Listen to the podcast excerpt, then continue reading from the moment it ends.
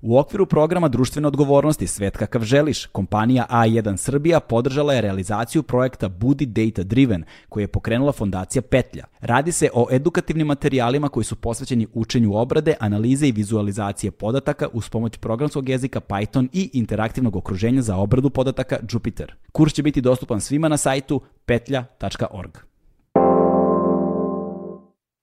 Legend Worldwide je domaći modni brend prepoznatljiv po džinsu i stilu, fokusiranom na stvaranje smirenog dizajna sa prizvukom modernog nasuprot bezuslovnom praćenju modnih trendova. A sada najavim svog gosta, prvog gosta u novom studiju. U pitanju neko za koga zaista mogu da kažem da je pre svega dragi prijatelj. Prijatelji smo više od 20 godina. Čovek koji je ostvaren kao umetnik, kao muzičar, kao pisac, neko ko aktivno učestvuje u političkom životu naše zemlje, ko se zaista žrtvuje i daje sve od sebe da ne samo iznedri najbolje što može, nego i da donese nekakvu promenu u ovom društvu. Poslednje vreme smo često gostovali zajedno na različitim medijima i čekali smo pravi trenutak da bude gost kod mene. Najzad je objavio novi album nakon skoro 7 godina pauze koji nosi naziv Nojeva Varka, a pretpostavljam da verovatno već znate o kome se radi. Njegovo ime je Marko Šelić, poznati kao Marcello. Moj novi gost, uživajte.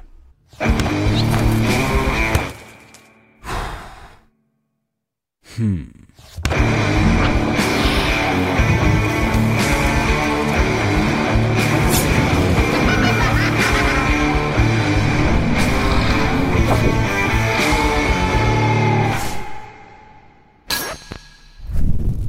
Kućo moja... Kućo. Znaš šta, mnogo, mnogo je dobro ovo što se ovako potrefilo, pravo ti kažem. Ovaj, I prvobitna ideja je bila da budeš a, poslednja osoba koju ćemo snimati u starom prostoru, a ispostavilo se da je mnogo gotivnije da budeš prva u novom. Znaš? Da. Sad, ljudi koji nas slušaju misle da smo mi to tako hteli, a u stvari je zato što smo bojica matori senilni i zeznali smo se za termin, tako da... I između ostalog, između ostalog, onda su došli praznici i praznične obaveze i tako dalje. Ovaj, ali malo pre si pričao uh, kako si poslednjih, ono, kako si objavio album, zapravo dao koliko intervjua dnevno, fazon? Dva, nekad tri, da. nešto pisano, nešto um, čavrljavo, da. ali tako nešto, da, da, i to je tempo koji, to, to, to sam ti kazao pre nego što se kamere upalile, da, da. definitivno sam po stoti put u životu shvatio da mi to u stvari, ne, možda, možda mi prija tri dana, jer kao, moraš da budeš zahvalan, ljudi su obratili pažnju, zovu te da nešto kažeš o tome što si uradio, to je, to je naravno sve lepo, ali u jednom trenutku se setiš, Kaš, pa mi ovde godinama vodimo borbu s jednim što izlazi iz frižidera i ne skida se s medija, pa zar da ti budeš sad broj dva posle njega da, koji da. radi to isto. Tako da je ovo kod tebe na neki način zatvaranje moje medijske turneje za, Strava. za ovu turu i baš mi je drago što, da. što se Počastovan sam kućo, imamo tema da otvorimo tonu, ali da se bavimo malo tim aktualnostima. Znaš, um, ja sam dosta razmišljao o tome jer nekako u poslednje vreme se i meni dešava dosta često da me zovu češće nego uobičajeno, znaš, jer nekako dok sam radio u nekom mediju, on te konkurentski mediji nikad ne zovu jer kao, zašto da, bi reklamirali da, da. konkurenciju, znaš. Tako da nisam bio u drugim medijima, ali sam konstantno bio u svom. Znaš. Ovaj, ali bez obzira, uh, uh, opet kao davao se neki intervju, ali sad kako sam pokrenuo svopstvenu priču, znaš, sada i sad to, a pritom je podcast postalo nešto sada strašno popularno, trendi, znaš. Ništa mi, pardon, ne pričaj, to moja duša najbolje zna koliko podcasta postoji u ovom trenutku, dakle, Isto, izvini što ste prekinuli, stvarno sam zahvalan svima, ali mislim da je taj trenutak kad, kad, kad podcasteri počnu da te zaustavljaju u Maksiju, da zovu 31. decembra, da zovu na Badnji dan, da zovu na Božić. Mene stvarno stra da i kad uđem da spavam, da ispod kreveta ne izađe ruka da me ne uvuče u potok. jeste, ljudi, jeste. ljudi, ljudi vole uh, to da rade uh, i znaš, nemam ništa protiv, naravno, i opet kažem, zahvalan sam što zovu, ali prosto nemoguće postići da, da. Ko, koliko toga ima, a, a, I to je onda malo, malo s te strane jezivo, zato što, znaš, ti si cel, celog života ovo radio da bi stigo do ovde. Da, da, da. A ova situacija malo podsjeća, to moj drugar rade, DJ Raid, a, glavni kompozitor u našem bendu i DJ, on drži ovu školicu DJ-inga već godinama mm. i praktično mnogi DJ-evi ovde, da, da ne kažem svi, bitni su se iškolovali kod njega, ovi što su mlađi, jel? I Raća tako priča, znaš, pošalju mu mail, ono, kao, kao to radi 20 godina, ono, stigne mu mail, s pitanjem pa za koliko dana mogu ja da postanem DJ on se vata za glavu čoče ceo život ono kao znaš tako malo i ovo ono bile bile korona rekli su nam kad je bio lockdown radite na sebi smislite sebi neki hobi. Ljudi seli i svi rekli pa možda da radim podcast. I to je očigledno svima palo na pamet. Nemam više posao, dobio sam otkaz, da, šta da. bi mogao radim, sad ću radim podcast. Ono, A jeste, je... de, ali potrefilo se nekoliko stvari, zapravo lockdown je, jeste to pogurao globalno posmatrano, jer zanimljivo je, gledao sam skoro i poslednji ovaj, stand-up Louis C.K.-a, I onda, on, i onda je on zapazio jednu vrlo zanimljivu stvar. Pored brojnih zanimljivih stvari koje on ume da zapazi, ovaj, to je da prvi put u našem, za našeg života na planeti, svi ljudi na svetu imaju isti problem. Znaš, nikada pre to nismo doživeli. Da cela planeta, svi da, da ljudi, da, da. bez obzira na klasnu, uh, kulturološku, bilo koju drugu razliku, kao imamo isti problem. Ovaj, I nekako... I to je podcast. da, da, da, da, da, da, da, jedan od. Ovaj, I kako, je, kako su podcasti počeli da, da se razvijaju, oni su zaista eksplodirali i on se desio negde u prvi godinu dana te, tog podcast buma desio se lockdown i samo se ono u deseto stručilo ono što je već nenormalno brzo bilo. Tako je. Ovaj, I to, to, jeste, to, to jeste istina. Zaboravio sam šta je bila poenta, ali da, uh, u, u vezi sa time, kao počeli, sad, znaš, pošto smo mi ono, jel te, slušani to, počeli su da nas često zovu ljudi za intervjue i dajemo intervjue, znaš. I ti stekneš taj neki, a mislim da je to subjektivan utisak. Mm -hmm. Kao da kao papagaj, da se vrtiš u krug i ponavljaš i recikliraš jedno te isto, te jedno te isto. Mm. Ovaj, a, jel to beše Rambo ima pesmu? E, da, je. Da, da, da, ovaj, a zapravo nije.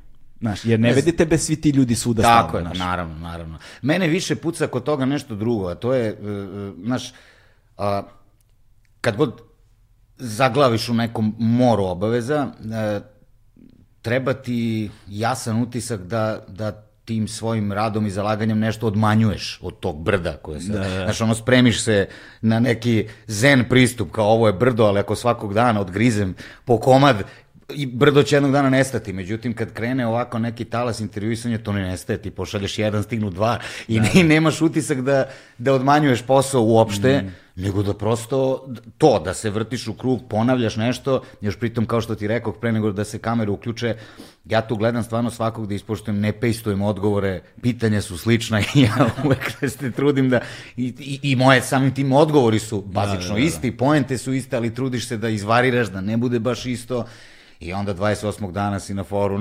ne, dokle. Znaš, meni se dešavalo isto, ovaj, um, to bude mač sa dve oštrice za nas koji radimo intervjue, posebno u ovakvim formatima. Jer recimo dešavalo mi se da mi dođu glumci, na primer, nakon Sarajevo film festivala, na primjer, mm -hmm. recimo Goran Bogdan je tako bio to, znaš. I onda oni, to su ljudi koji kad odu recimo na SFF ili koji su to, kad je u jeku promocija to, filmova, premijera, la, la, la, svi se pakuju za taj period, razumeš? ovaj, tada oni daju intervjue bukvalno kao na pokretnoj traci. Oni daju, da. znam, ono, 30 intervjua dnevno i to budu mahom, 99% slučajeva ista, ista pitanja.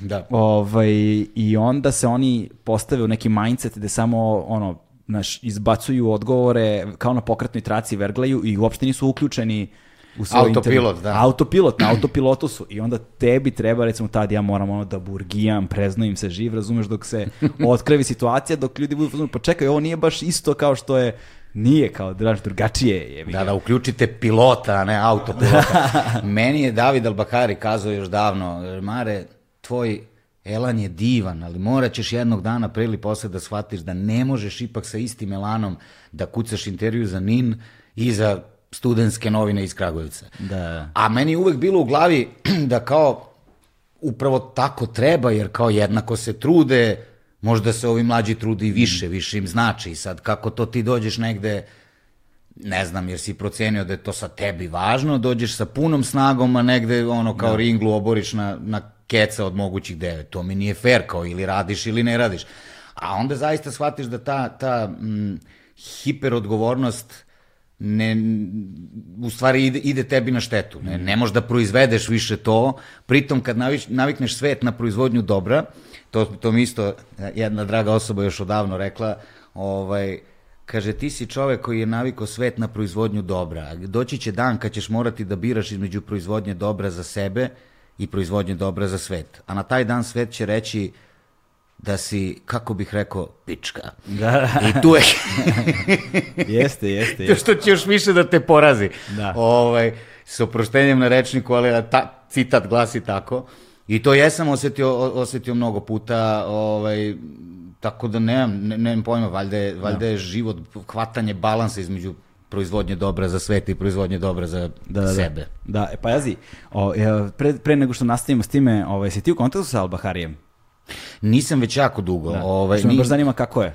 I mene isto, ovaj, mislim da je, da, ja sam prosto nekako čekao da se David javi, jer u jednom trenutku je sa zdravljem bio loši, imao je problem sa kucanjem, mm. ovaj, i mislio sam da ga kucanje mailova opterećuje u, to, u, u tom momentu, tako da sam pričekao da se javi, što se nije dogodilo, tako da ću se ja javiti, vidim da je izašao novi roman, mm. tako da bi to nadam se značilo da, da je David bolje. Da, nadam se takođe.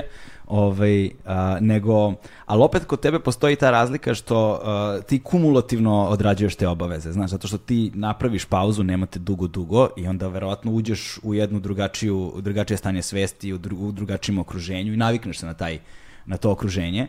Ovaj, a onda kada recimo kao što je sad bilo sa objavom albuma Nojeva Varka, ovaj, sa objavom Aha. albuma, sad onda se opet vraćaš kao negde u ono pod, uh, uh, uh, kako se to zove, svetla javnosti, kako, nemam pojma kako se to već kaže, Ovaj, I sad, je to nek, sad ti krećeš uvek sa nekim novim elanom, znaš, i tu, tu se dešava to, znaš, i onda krećeš mm. to, ajmo sad, entuzijazam, prvi sedam dana ko te ukači, svi da. dobijaju isti tretman, znaš. Da. Ali onda to verovatno pada. No ne, op, pada u mojoj glavi, ali tretman ostaje isti. Kažem, prema ljudima je odnos isti. A ovo što si rekao je tačno. Da. Meni je dinamika uvek onako takva da je raspored časova pun, samo zavisi, zavisi kojim aktivnostima. Da. I meni prija to, to odlaženje iz etra. Ne, ne odeš nikad, nikad skroz, kao, tu si negde, ali mm. nisi u fokusu I to iz najmanje dva razloga. Prvi razlog je što mislim da nije normalno da budeš uvek u fokusu i mislim da ovo doba sada konkretno nosi ljudima između ostalog i taj strašan teret da kao ne smeš da ispadneš iz igre, kao mm. moraš da...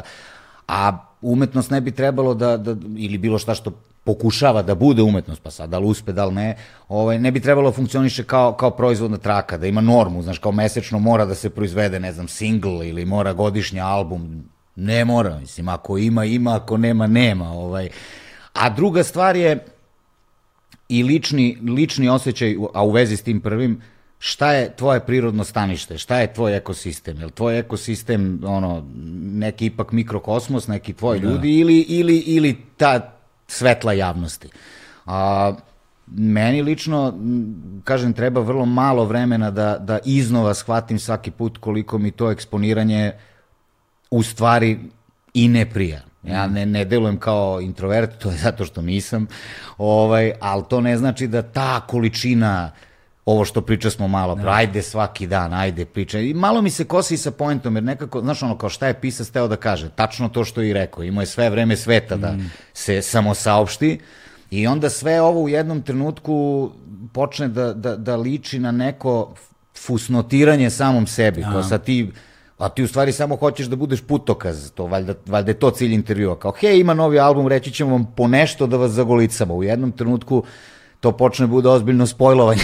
Da, da, da, da, Dođe ti da kažeš, dobro ljudi idite, slušajte, ja sad treba da nestanem i da, da. znaš, postoji samo ono što si uradio, bez obzira da li reč o književnosti, o, o, o nečemu iz sveta teatra ili o muzici ili o bilo kom delu. Da, pazi, uh, Andrić je u svom uh, govoru z, kada je dobio Nobelovu, na, Nobelovu nagradu čuveno priče, o priči i pričanjima, upravo govori o tome. Dužnost svakog pisca onog trenutka kada nabjavi roman je da ćuti. Znaš, jer sve što je imao da kaže nalazi se između korica tog teksta. A da, znaš, sad je, kažem ti, sad se to krenulo, sad, se, da. sad je blebetavo doba, pritom, znaš, To mi je zanimljivo što si ti, kao šta smo dočekali, rubrika šta smo dočekali. Imao si u književnosti e, neke škole misli koje su e, zahtevale da se uopšte ne bavimo biografijom autora, nego samo delom. Ne treba da znamo... Seman, semantička autonomija teksta. Čak ni, da, čak ni... Čak ni, tako zvao. Čak ni imeni, da, u ovoj prostoriji svi, svi su sa filološkog ovaj... A, Dakle, čak nime i prezime ne treba da se zna mm. prema njihovom tom mišljenju, samo delo, samo delo, samo delo. Ove, ovaj, što naravno je vrlo diskutabilna stvar i jednim delom netačno, mnogo puta se pokazalo da nam biografija te kako pomaže da, da rastumačimo delo. Ali to na stranu, znaš, poražava što smo sad dočekali suprotno dobar reality era, kažemo kakvo delo, samo biografija autora. Samo, da, da, da, da. nas interesuje. Biografija je delo. Tako znaš, je, ne, delo je tu samo povod da kao zbog toga se mi uopšte bavimo time, ali bavimo se time, da, da, da, ne da, da, delom, da. tako da to je onako baš kao... I to biografija Cinema Verite, gledamo je dok se dešava, znaš, to je ono da, samo da, da. Skoro uživo. Sam, skoro sam, pazi, kad smo kod intervjua, baš sam uh, uh, imao jedan zanimljiv pre, pre koji dan, gde se postavilo pitanje, uh, onako baš zgodno za Noevu Varku, jer je prilično očigledno najličniji album do sada, ja sam to negde ispomenuo, a i da nisam, to se prosto čuje. Uh, I onda je stiglo pitanje, a šta je tu u stvari autobiografski, a šta nije?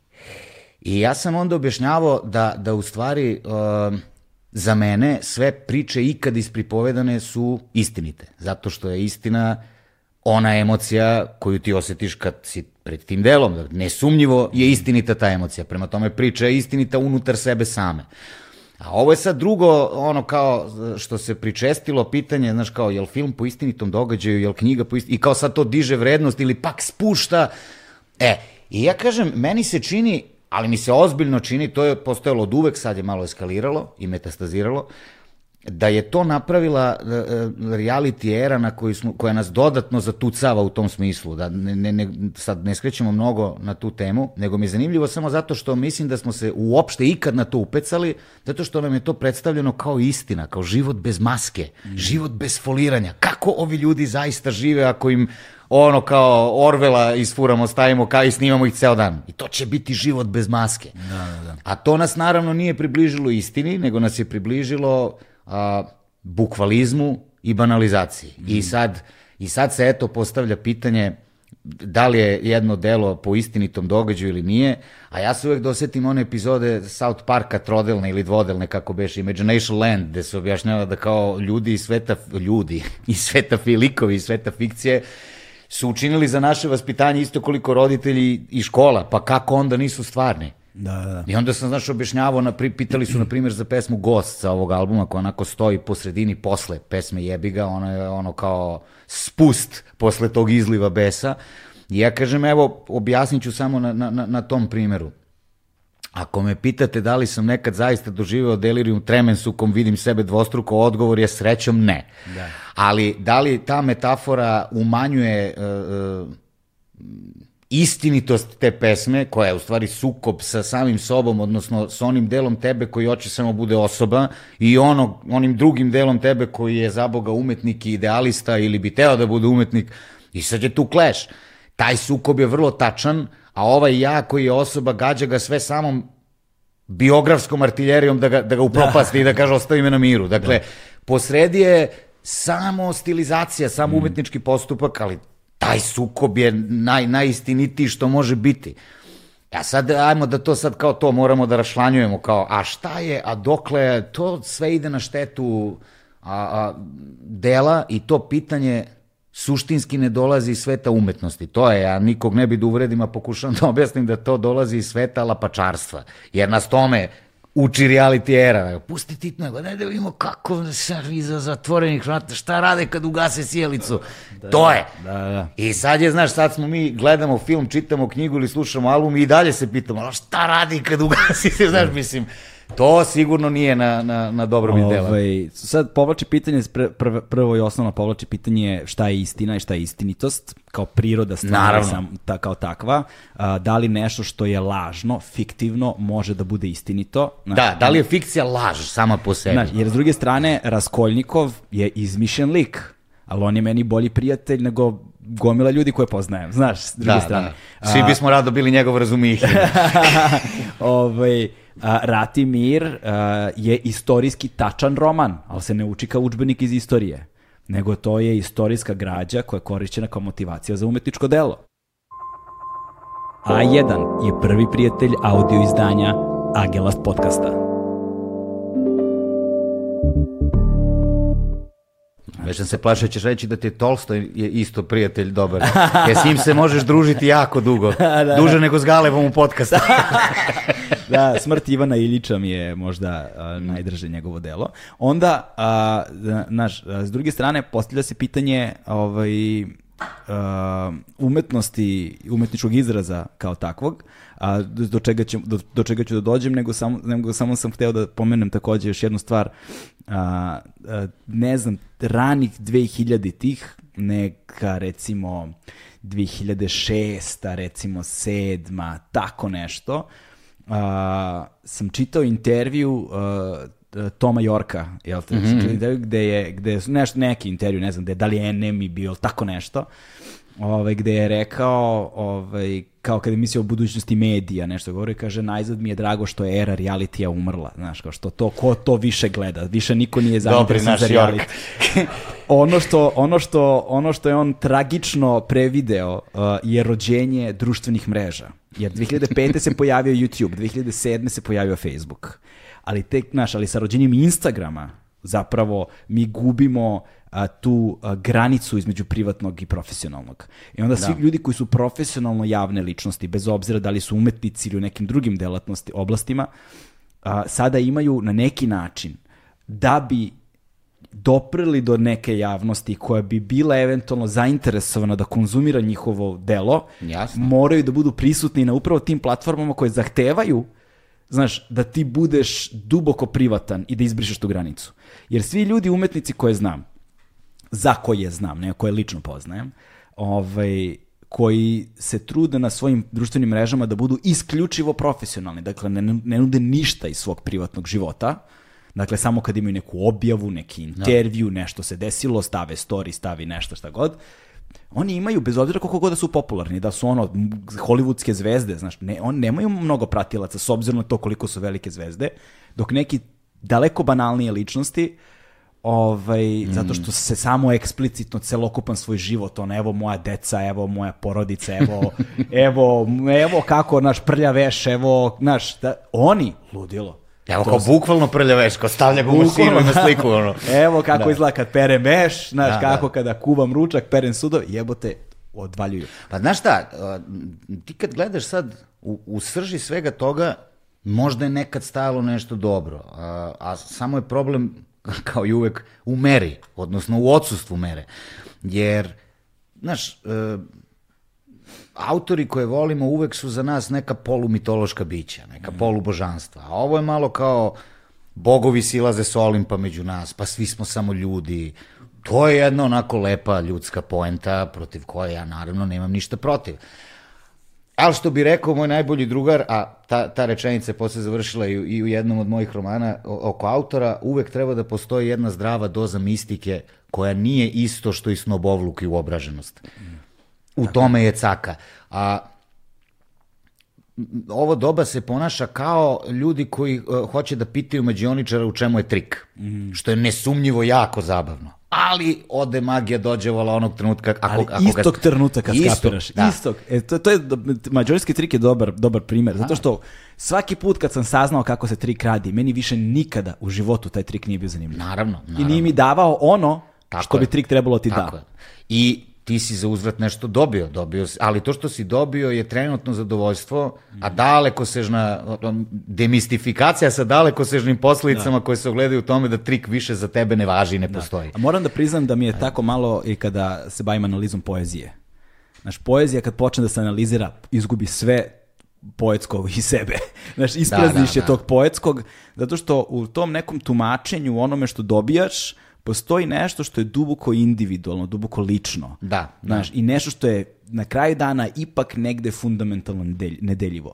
I, i, I kada se ta emocija i taj doživljaj ono, sa tim iskustvom slušanja ili čitanja neke poezije ovaj, u, ono, zapeče, razumeš, u mozgu, znači zato imam problem kada recimo ljudi koji ne gotivim vole ista a, umetnike koji ja. Znači to mi je... To, to je uvek zanimljivo, to da, mi, da. To mi je rana, znaš koja, to mi je nož u srce, znaš. Ne znam, valjda zavisi kako se izvede, znaš, kako se zove po ovo, filozofija kompozicije, recimo, mm. znaš, da kao, jel, e, secira kako je napravio Gavrana, mm, eto jednog primjera gde ne mogu da kažem da mi, da, da mi se magija pokvarila, nego mi je baš bilo dobro da kao, vidi da, sad to ali sad. Tu, onama... tu, se, tu, se, tu, te, tu te fascinira zato što otkrivaš nove stvari na koje ranije nisi obraćao pažnju. Znam, da, da. aliteracije, ne znam, naš stilske da. figure, kako upotreba I, r, da. I zanima te zanatski ako se prosto time baviš, pa, pa da. kao, prodaj da. mi foru, stari. Da, kako se kotrlja taj vibrant r, raven, kako to onda se, kako, kako jezik grmi i podsjeća na ono olujnu noć. Znaš, i onda da, kao... da, i to kako on uopšte počinje, kod koje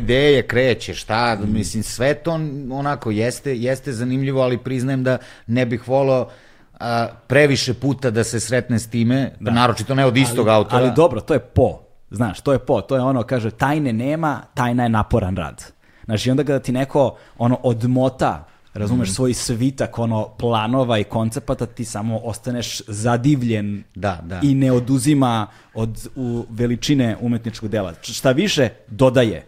Znaš, ali a, druge stvari koje su na nivou ono ne, nečega što dnevno konzumiramo kao u, u, ono nekom masovnijem kontekstu, nekada je dobro da ostane. Zaista, posebno mislim da je to važno za umetnike. A, prevez, pre, prevashodno recimo pisce i muzičare, mislim da je, da je važno da imaju trenutke kada su prisutni u javnosti na ovaj ili onaj način i posle toga ništa.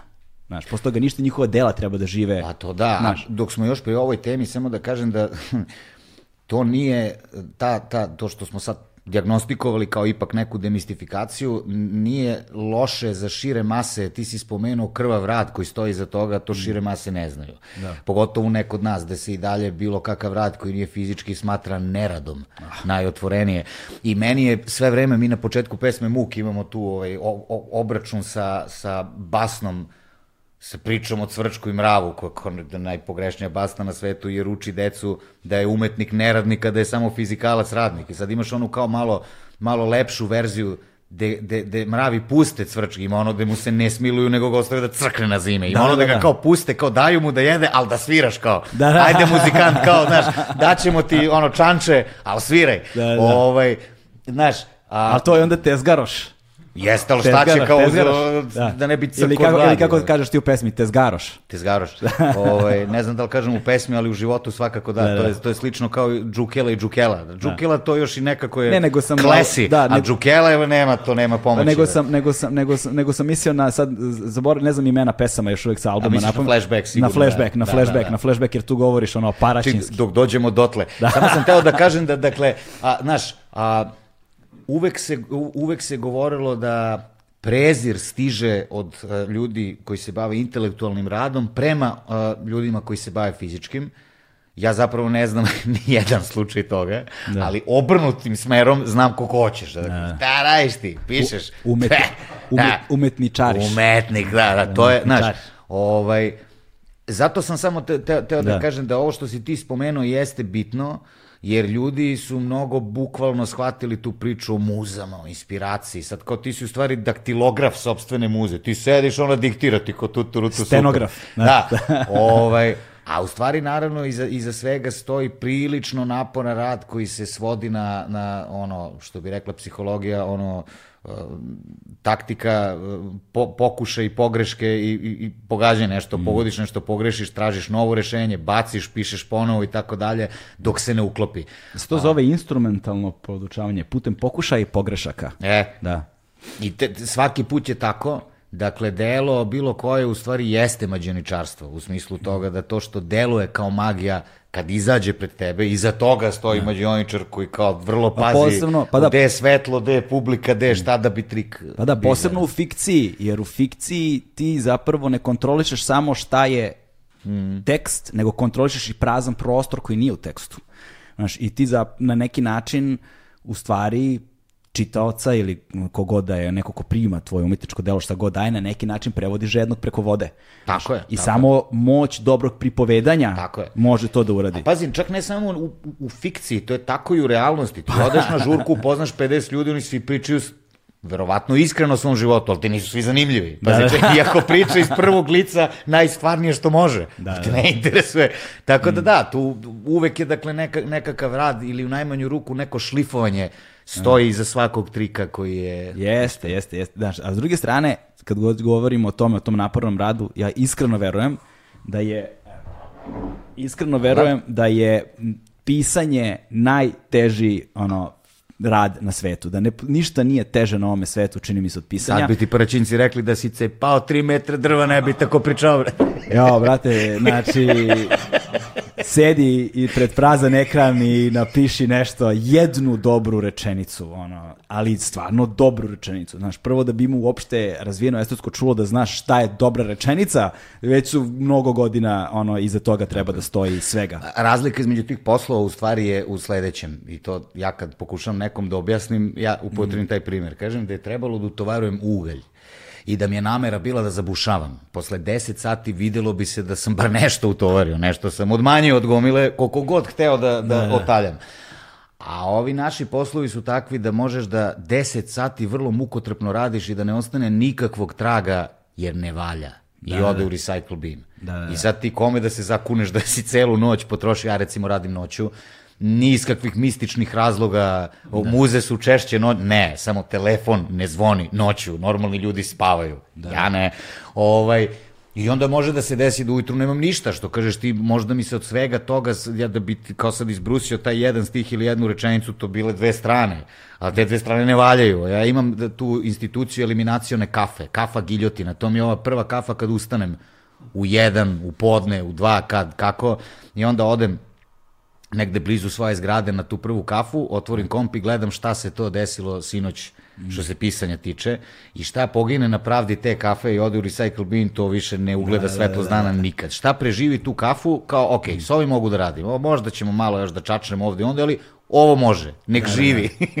Da, da, to, znaš, mislim, strašno je važno takođe, to je sad opet se vraćamo na ono da uh, uh, brzina današnjeg života i uh, omni ono prisutnost, povezanost, konstantno pingovanje, notifikacije, da. distrakcije na svakom trenu, ono, danas je mnogo neuporedivo teže zapravo izolovati se i posvetiti se određenom Jest. radu i ova stvar dokazuje još jedno da ništa ne može da zameni uloženo vreme i tu vrstu ono trpljenja, tihovanja, tog, tu vrstu Tako strpljenja, je. znaš. I kao, uh, zato što, s jedne strane, šta god da si napisao, ono opet mora da odleži neko vreme, sad zavisi kako kome i zavisi šta je napisano, ali mora da odleži, pa negde svežim očima da, da kao pogledaš. A evo, baš je divni e, Karakaš pričao o tome na Krokodilu prošle godine da, kad da. je s tobom razgovarao kako voli evo da... Evo to je prošle godine.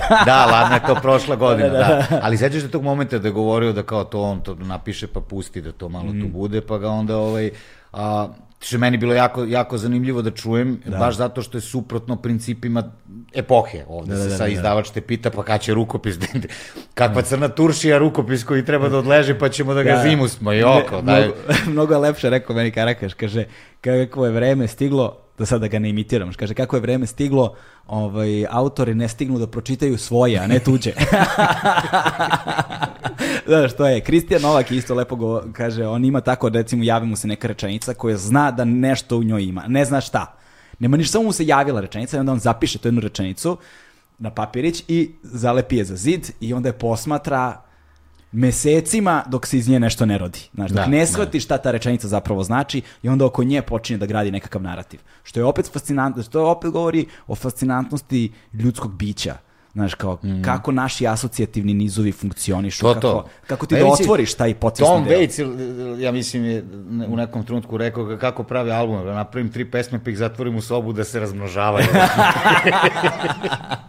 Nakon te ostale. Da, da. Dobro, dobro, to su sad već druge, znaš, ali jeste, znaš, upravo je na neki način. Mm. Ove, ovaj, e sad, se tu se vraćamo opet na sam početak razgovora, što nas op, vodi u sad jednom drugom smeru. Um, da, ta umetnost o kojoj govorimo, znači recimo slušajući tvoj album, prvi put sam ga slušao, ono, neki utorak je bio kad je objavljen ili tako nešto na Spotify-u, mm. pred novu godinu nešto. Ovaj... Pa su izvini ovi što, što vide sektu u svemu rekli kako u ponoć izlazi album, ono kao na tim servisima možda zadaš samo datum. Da, da, da. Ko izađe čim počne taj dan.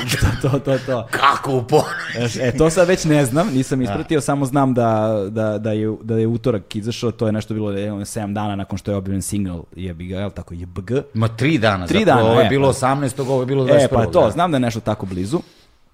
I, ovaj, I čim pustiš album, odmah čuješ razliku. Znači sad ajde da ne ulazimo, mislim pričat ćemo i o tome, ali mm -hmm. oseti, uh, naš, prvo, a, sam si rekao, najličniji album do sada, nema, nema greške.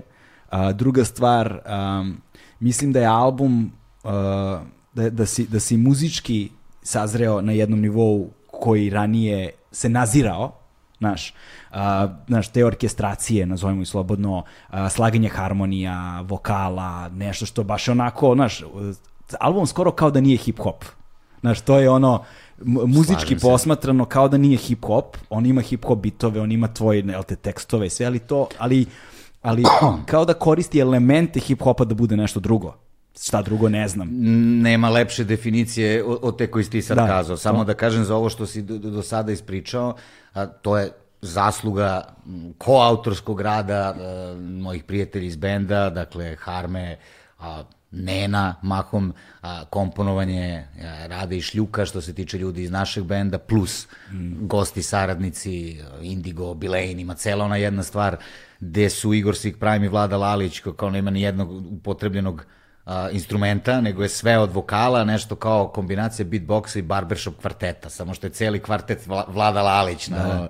na 500 kanala. Viš, ono mi crtež iza. Vidio sam odmah. To je da, Vlada Lalić. Da, da, prepoznaje da, se. Da, da, to. Ovaj, a, tako da, da, da, sad pričat ćemo još ko, koga tu sve još ima od gostiju, ali a, samo sam teo da kažem da, da to nije dakle rezultat samo nekakvog mog sazrevanja, nego da. ljudi koji su zajedno sazrevali mm. i sad ih čuješ kao nakon što su malo tihovali, da, da, da vidimo ku, kud se stiglo. Da. I mi nekako tako i radimo. Mi nikad nismo pravili pesme stalno, možda je, zvuči i čudno, da.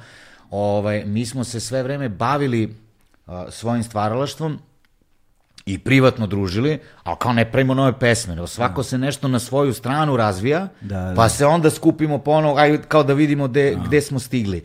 I po, pokazuje se dobrim što se godinama zapravo sustižemo. Svako zada zadatak, uh, zademo zadatke jedni drugima, da, da. time kud smo otišli, stižemo jedni druge i onda, evo za ovu priliku to dakle zvuči nekako tako. E, pa znaš, i, onda, i sad još jedna stvar je tu, uh, s druge strane, vidi se organsko jedinstvo u pesmama, Znaš, mm, znači, hvala. znači možeš da čuješ, ni jedna ne zvuči kao da odudara kao da ne pripada albumu, kao da je naknadno nakalemljena, Znaš, uh, uh, vidi se da se na njoj radilo od početka, da se, znaš, kao da, da, da, da se radilo na tom albumu od početka do kraja i da je bila u sve vreme svest o uzemnoj povezanosti među numerama. Da a, što je opet jedna stvar koja se ne dešava svaki dan, ne viđa, ne srećeš takve albume, posebno ne albume, koliko ima, 18 mm. pesama, ne znam, 16. 16 pesama, dakle prvo 16 pesama koje su na taj način povezane, da imaju stilsku, uh, estetsku ono, liniju koja se prati sve vreme,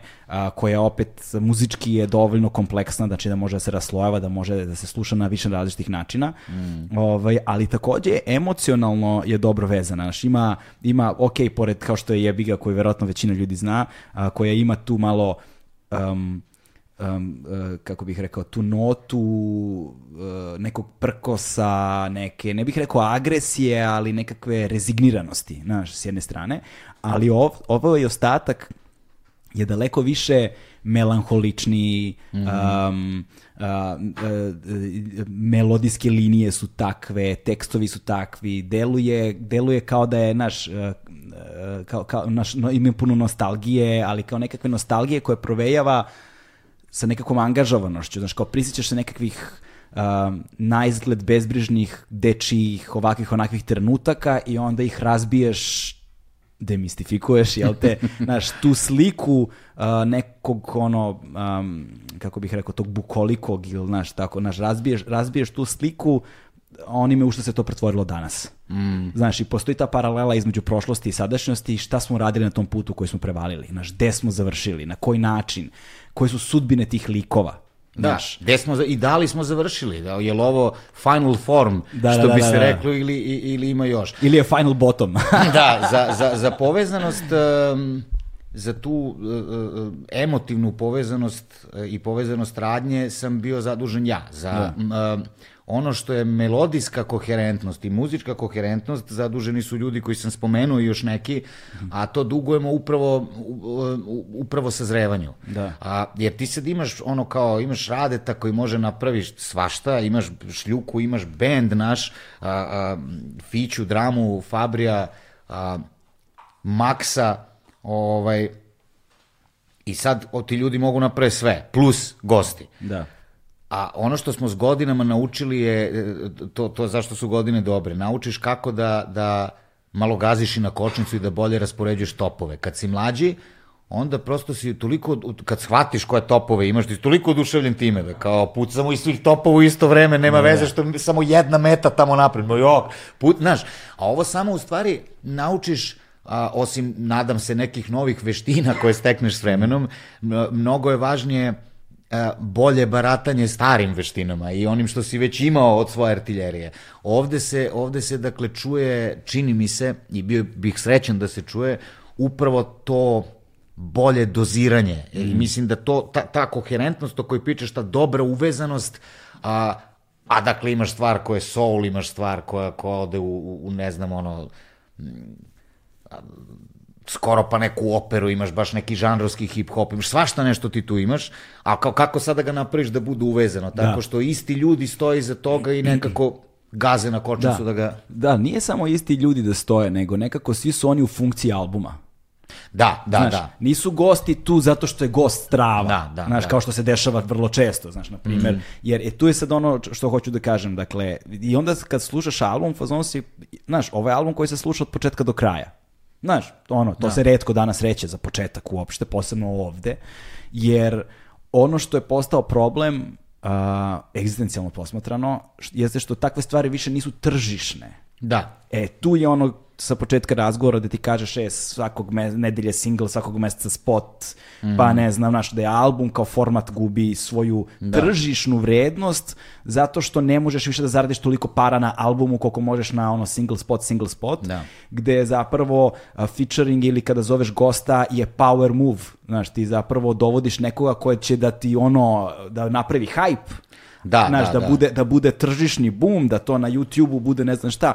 I onda činjenica da to nisi uradio, a da si opet uspeo da budeš ono broj jedan na treningu, što je strava stvar, znaš, za, zaista je prijatno iznenađenje, ali opet mislim i da... Malo je vic, ali zvuči kao vic, ali... ali... Da, da, zvuči, zvuči kao vic, ali tu postoji još jedna stvar koju mislim da je dužno svakog umetnika danas, je da koje se ti ne libiš i zbog koje verovatno dobijaš ono uh, mešovite reakcije, a to je da svaki umetnik danas mora da bude angažovan, posebno ako živi na ovom podneblju ovde i umetnost je ta koja treba da bude ogledalo društva.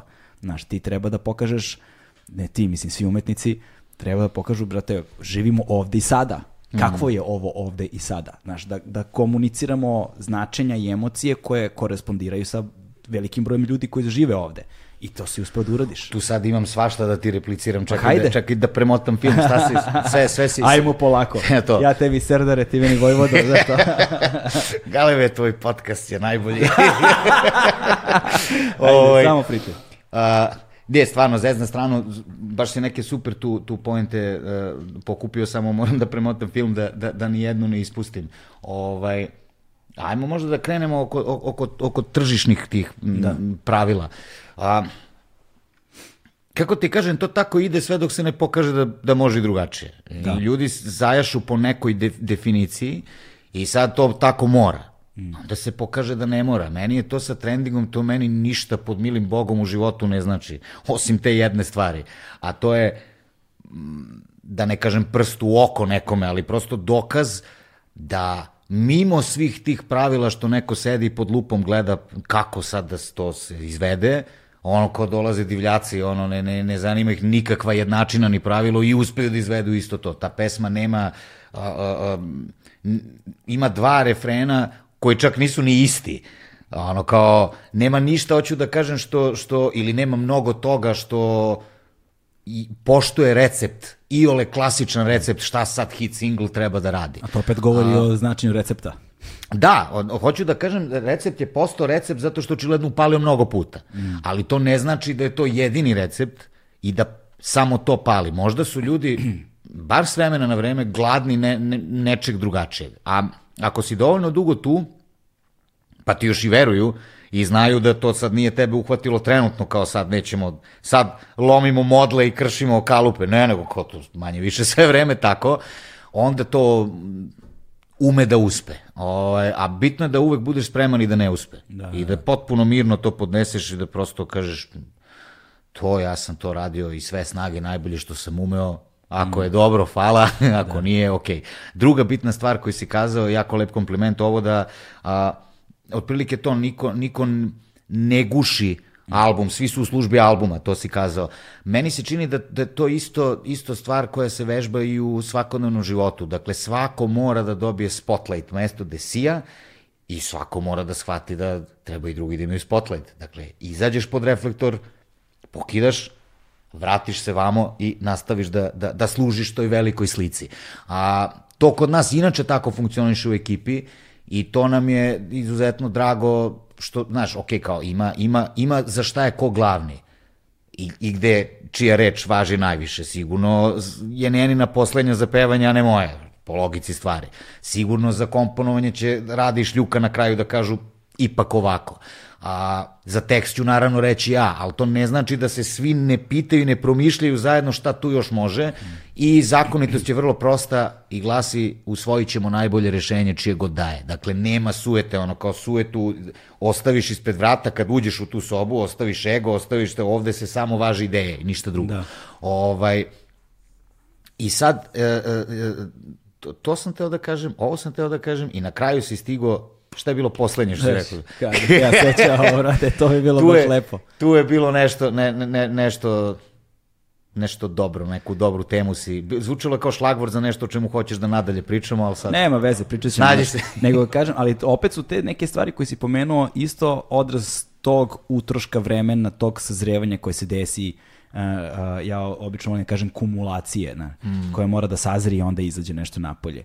Jeste da prvo uh, svako ono znaš, sama uzdržanost uh, i kao autocenzura na neki način i uh, ta, ta, ta, ta, to pametno doziranje, to ono, biti strpljivi, biti, on, znaš, imati meru je apsolutno odra, odraz nečega što je zrelo, znaš, mm -hmm. zrele osobe, kao takve, za bilo šta u životu, generalno, da. znaš, ne samo za kreiranje albuma ili pisanje knjige.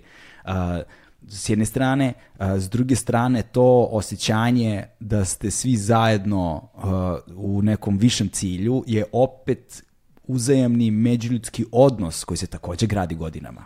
Znaš, to da. ljudi bi da postignu takav uspeh preko noći, ali, znaš, ili takav rezultat preko noći, ali, znaš, ekstremno redko se dešava da se spoje neke dve sile i da one budu tako kompatibilne i da imaju takav simbiotički efekt koji ni jedna od njih dve za sama za sebe nema i to se desi s vremena na vreme. To da. budu veliki svetski bumovi, ali...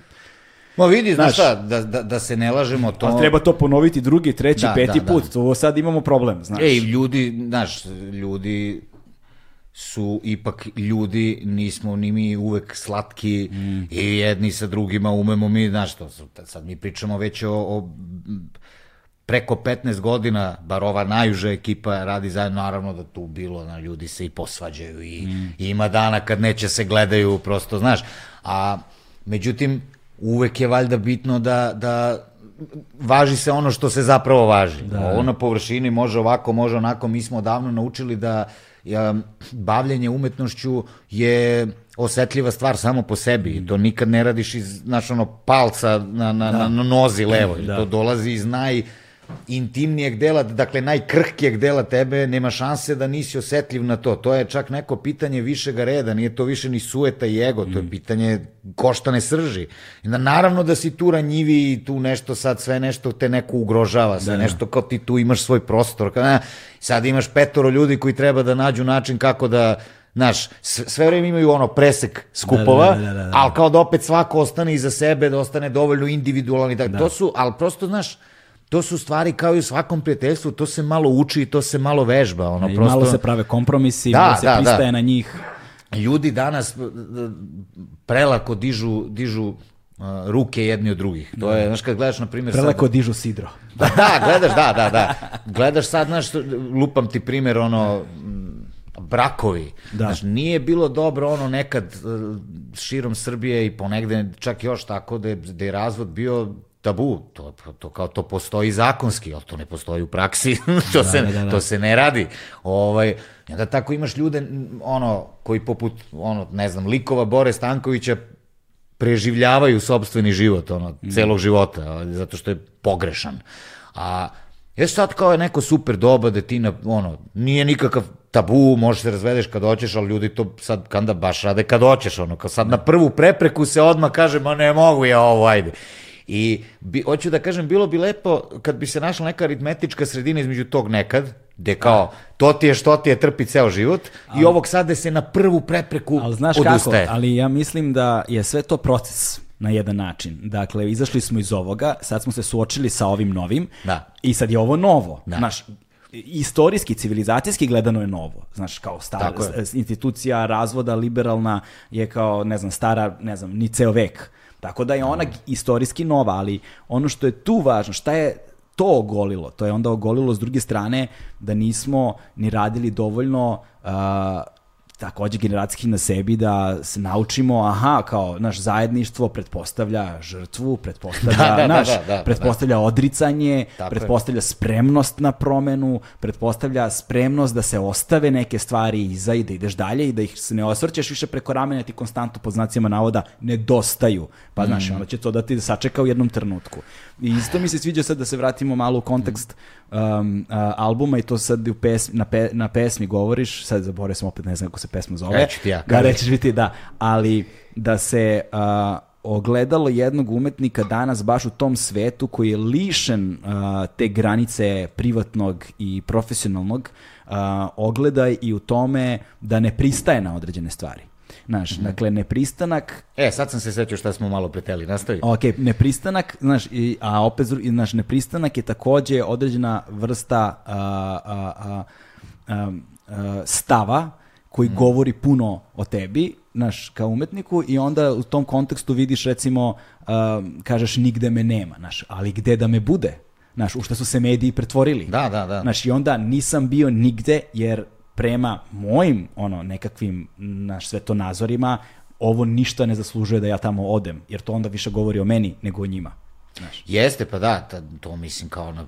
Nepristanje na stvari to čime se Gloria recimo bavi, to je skoro pa nekrofilija, u daleko bilo izvesnom da. smislu. Ne znam čime se bavi, ali... Pa ne, uzmi uprati naslovne strane, znači kako neko umre javna ličnost, idu na vrata, da, da. idu na vrata da radi intervju sa članovima porodici. To, ja sam to slučajno u Maksiju zapazio i onda to već godinama sad gledam da vidim da li je moguće. Znaš, ja sam to primetio... I da se izvini, u pesmi se kaže ko Mirko Topalović iz Maratonaca, mm. a stvarno da, dakle, ono kao, ja ne znam, ali repliciram ti na ovo što si rekao, koliko je do njih, a koliko je do javnih ličnosti koje su pristale na to, koje mm. prihvataju da kao, to je ono naj palanačkije, da tako da, da. kažem, što može biti, da ti počneš da misliš da ljudi neće shvatiti da tuguješ ako ne daš intervju u kom kažeš da tuguješ. Tužan sam, umro mi član porodice. Zamisli ti sad daješ intervju u trenutku kad, kad u tom momentu, mm. koliko je to van pameti. Kako je vam pameti da te neko pita to? Da, kao, da se uopšte desi ta situacija. Jel ti teško? Ma nije, jok, digo sam šator, igram pipirevku, evo, sa, na Sarani. Mislim, potpune budalaštine. Da. Ali javne ličnosti očigledno osjećaju da su dužne da na to pristanu, čak i na to pristanu. To da. neki vrlo pametni ljudi, neki lično poznajem, nek, znaš, što nisu padobranci, što se kaže, znaš. To je, to je meni čudno. S jedne strane se desilo da se, da, da se u okolnosti razotkrile u ljudima koje smo znali drugačije ovaj, pravu njihovu prirodu. Ne, ili se prosto ti ljudi samo ne udubljuju to na način da. kako ti ja to sad stavljamo pod lupu. Pa to, ali s druge strane se a, a s druge strane se desilo i to da da jednom kad pristaneš na neku vrstu kompromisa tog tipa, neki vrlo mali, najzgled mm. beznačajan, samo ovaj put znači će nam zbog ne znam čega. Znaš, I onda napraviš tu jednu vrstu kompromisa, ne. Da. ali onda napraviš vremenom polako drugu, pa treću, pa se to postepeno, gradacija ima toga, da u jednom trenutku daješ intervju jer ti je preminuo član porodice, ni nisi svestan kao osoba mi šta radiš. Izmislili, izmislili smo reč kad smo radili uh, sa Kokanom uh, predstavu Dr. Nušić po Nušićevom DRU, mm. jedan song je imao naslov Kompromiskuitet. to je to, da, dakle, da. kompromis vodi u sledeći kompromis Pera Janjatović mi pričao kako, kaže, tamo nekad, ne znam kad, 70-ih ili 80-ih, čuli su sa likovne akademije da u Dubrovniku dobro idu portreti. I kaže, spakuješ štafela i odeš na jednu sezonu, malo crtaš ljude, vratiš se s nekim paricama, pa, pa super. I kaže, svako je otišao i onda su se vratili i rekli su, pa dobro kao hiljadu mara, kaže, mogu bih još jednu sezonu ovako, pa ću se vratiti svoje umetnosti. Niko se nije vratio svoje umetnosti. Da, da, da. Tome je stvar. E, tu sad dolazimo do onoga gde smo malo pre ovaj, uh, pobegli. Tog tržišnog. Šta, šta si još kazao bitno? Kazao si to da umetnik mora da bude angažovan. A, to sam malo teo da razložim. Umetnost naravno ne mora da bude angažovana. A, čak treba biti pošten pa reći da je angažovana umetnost niži oblik umetnosti, jer uvek gubi na univerzalnosti. Znači, on uvek gađa nešto konkretno. To nije isto kao kad pustiš kompoziciju Maxa Richtera i možeš da odeš, u, da učitaš sebe na bilo koji način u to, jer ti ne sugeriše, ne sužava ti polje asocijativno tvoje. Ovo angažovanu umetnost, Bog me vrlo da. Ona kaže, ovo je o ovome. Opet zavisi, ovaj, znaš. Ali gledaj, poenta mi je bila nešto drugo, da. da dakle umetnost ne mora, ali umetnik kao osoba, kao građanin, on mora da reaguje na, na, na svoje doba. Pokušavam da kažem sledeće, ne tražim ja od ljudi da moraju da sad svi naprave predstavu, pesmu ili film koji se bavi aktualnim ovde i sad. Da. Ali na ulici bi bilo jako dobro da budu. Da. Kao osobe.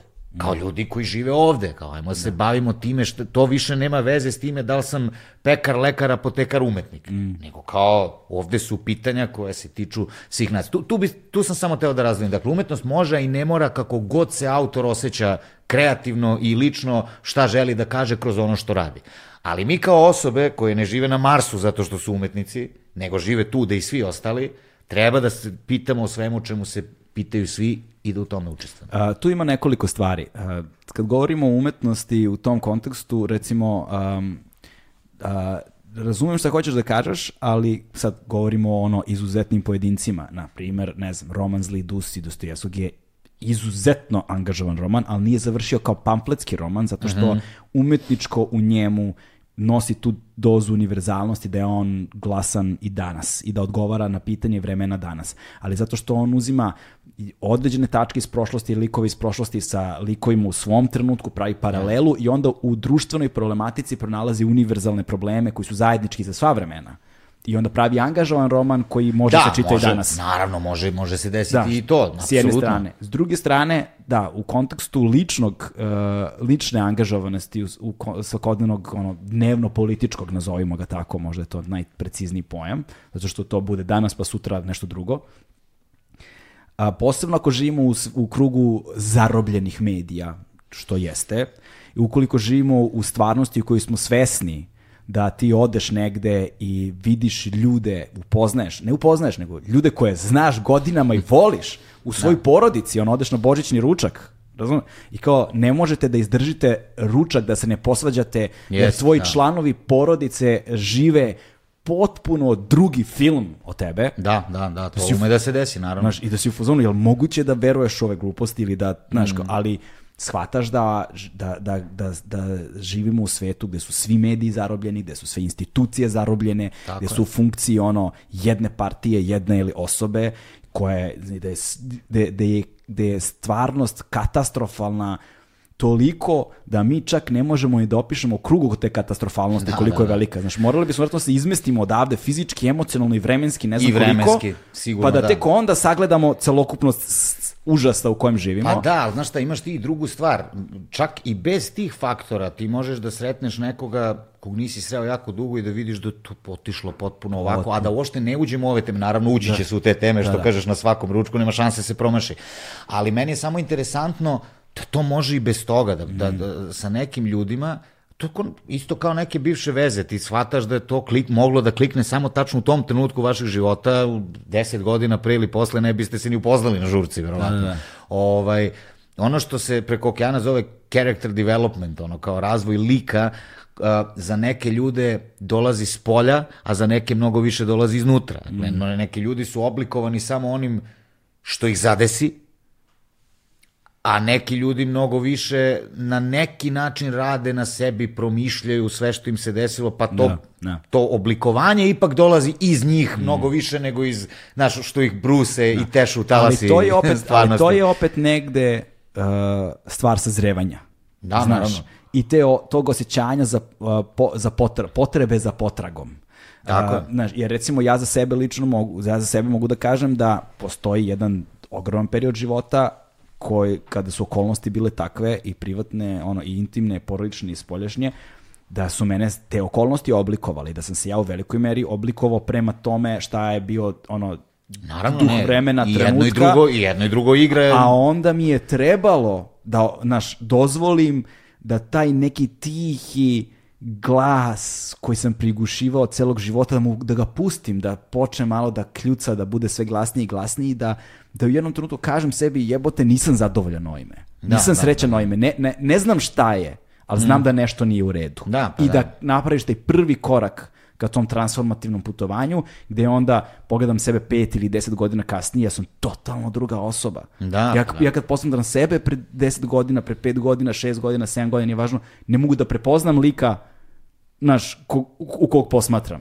Ov, I mislim da je to putovanje na koje treba da stupe svi. Ali s, jedne, s druge strane, da bi moglo tako da se desi, posebno tim ljudima koji su oblikovani spoljašnjim okolnostima, onda moraš da istupiš u taj svet spoljašnjih okolnosti i da šalješ taj impuls. Znaš, moraš da budeš, to je ta kontekst te angažovanosti. Ako nigde ništa nema da se čuje, onda bilo šta, gde, bilo gde, ako može da se čuje u bilo kom trenutku je zlata vredno. Tako je. Znaš, i onda kao moraš negde da istupiš da budeš angažovan. I tu mislim da je još jedna uh, ono stvar u vezi sa tobom koja je važna, posebno ako govorimo o hip-hopu. Mislim, i, i ti i ja smo ono, znaš, dolazimo iz hip-hopa kad je hip-hop bio underground.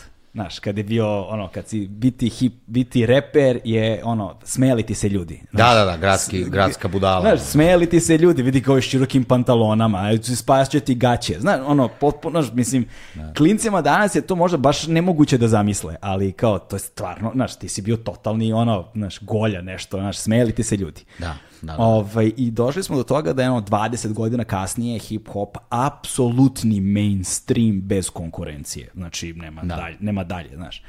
Ovaj, i, i, i na tom razvojnom i na tom razvojnom putu ovaj sad sam zaboravio što sam teo kažem brate o, ode mi misao do đavola brate A ovaj verovatno si teo da vla- vratiš ploču na, Na na dane naše mladosti i tako dalje. Evo ja ću da te vratim, ti ispričam nešto. Rekao sam da ovo moram da ti kažem jer je potpuno spektakularno. Ajde. Jedan mlađi drugar, tada tih godina, mi smo krenuli da radimo muziku, Mm. ti si već bio voditelj, ovaj, i kaže taj mlađi drugar, kaže doći ću uskoro u, u, u BG, hoću da me odvedeš na neko mesto da kupim neku garderobu i patike, teo bi da se obučem kao ovaj tvoj drugar voditelj um, Gavran, Golub, Labud, ko jebote. Ako nastaviš, stići ćemo do pauna. da, da, da, da, da. A Išiću rad čovek je rekao bukvalno sve, samo nikako da Da, da, da. Najčešće se dešava golub i labud. Ta su dva apsolutno najčešća. E, dobro, više ovdje ima Gavran kao varijacija na Gavran. Gavran, je, Gavran je dosta redko. Uh, jednom sam čuo čavka, svraka i pelikan, ali to mislim da su namerno ljudi bili u fazonu da bi me kao, znaš. Pelikan zvuči kao nešto što bi čava rekao. Da, da, da, da, to, to, to. O, je, baš mi je žao što sam zaboravio poentu onoga što sam htio da kažem, ali, bože moj. Ma ne kažem, verovatno si teo da vratiš na, na te dane pa da ne, ne, vidimo da kako vratim, je... nego sam imao, nego sam, nego sam imao nešto u vezi Da vidimo tim. mi ono kao, pošto smo pričali da na albumu ima to šta su ljudi bili, a, šta, a gde su završili, E, da, možda je vreme je- da pričamo gde smo ti i ja završili, šta smo teli. Između ostalog, između ostalog. Pričao si o hip-hopu o tome da Pa bio da, underground. da, setit ću se, ali, je, ali recimo, um, i, i, na primjer kada, poz- kada slušam trap, uh, ja na primjer strašno volim taj zvuk, ono, Rolandove 808-ice, znaš, vo, vo, znaš, kao, brate, to je dobar sound, znaš, to, su, to, to je dobar sound. Ali ono što je problem jeste što su oni napravili uh, manir od njega i onda je taj manir provalio se kao da je ono, ne znam, to, opet taj tržišno uspešan i svi su počeli da ga copy-pastuju Da. i ta inflacija toga je srozala u potpunosti, zvuk koji je zapravo fundamentalno dobar ovaj, i napravila je ono da sad svako ko ono, znaš, e, ovo je recept, to on čemu se govorio. Ne da, da, da. Pare, da, da. auto, kurve, uh, trep, znaš, ono, haslanje, gudre, šta god, i brate, eto tebi, ono, vidi kak, e, znaš, onda kad izgubi se, svi počinju da zvuče isto, mm. i ja sam u jednom trenutku zaista verovao uh, da ljudi kad govore da svi zvuče isto, ma nemaš ti pojma, svet je postao savremen, Da, Znaš, da. promenilo se, ostao si u raljama prošlosti, ono, ajde kao malo u korak s vremenom. Znaš, ja sam recimo baš zakačio, meni je taj trap u, u, u ranoj fazi bio brate, do jaja, znaš, taj rani Gucci Mane je meni bio ono bomba, znaš, kada je Juice objavio apetiti mi rastu, meni je to bilo kao revolucija mi je to bila, znaš, u zvuku mi je to zaista bila revolucija, ali onda su stvari nekako krenule, znaš, prvo sam dobio onaj slušni zamor, znaš, ne mogu više da slušam, sve mi zvuči kao jedna pesma, brate, znaš. Da, da. Znači ono, posle pete trep pesme, ja sam umoran. ništa, ništa drugo, samo sam umoran i onda počneš da ceniš taj diverzitet koji je hip-hop negovao, nekada je fora bila da svako zvuči drugačije. Da mhm. svako zvuči, kao što bendovi žele da svako zvuči drugačije, da, da zvuči autentično, da ima nešto svoje. I ka, nekako je to nestalo i sad ti to, to je ono što mi je, što mi je, što mi je zanimljivo. Znaš, e, da, setio sam se šta je bila poenta, zapravo kad govorimo o tom razvoju hip-hopa i svemu. E, I gde je tvoja pozicija, mislim, važna tu. Um, kako je hip-hop postao mainstream, i to je point sa ovime što hoću da kažem, ovaj, uh, iz undergrounda došao u mainstream, um, on je sa sobom povukao na ovim prostorima posebno. Određene elemente koji su stilske odrednice koje se a priori prihvataju, kao, znaš, znači, ako si reper, ono, ovo, ovo, ovo, to, ovo to se je... podrazumeva, kao, to je neka, ono, stilska odrednica koja je duh vremena, uh, i koja prosto, ako je nemaš, ono, nisi cool, nisi skapirao zeitgeist, znaš, ne, da, da. Znaš, nešto si fulao, falinka je i deluješ fake, deluješ kao da ne kapiraš, deluješ kao da na silu, mm. znaš, a hoćeš, strašno ti je važna ta društvena prihvaćenost. U hip-hopu možda više nego bilo kom drugom muzičkom pravcu je taj street cred, znaš, kao da. strahovito važan ovaj, da ti živiš život kojem pričaš ili šta god, znaš, to je ono, pre, ta, barem se ta semantika, taj, ta, taj, to značenje se prenelo negde ma koliko god da je I ono da stvarno ili nije. Da živiš tačno određeni život, da, ne, između jer ostalo. recimo ja sam apsolutno, ja apsolutno živim to o čemu pričam, da, ali da. to nije street da, i onda je opet problem, dakle moraš da živiš tačno jedan određeni taj mm. život, E, a sve drugo je...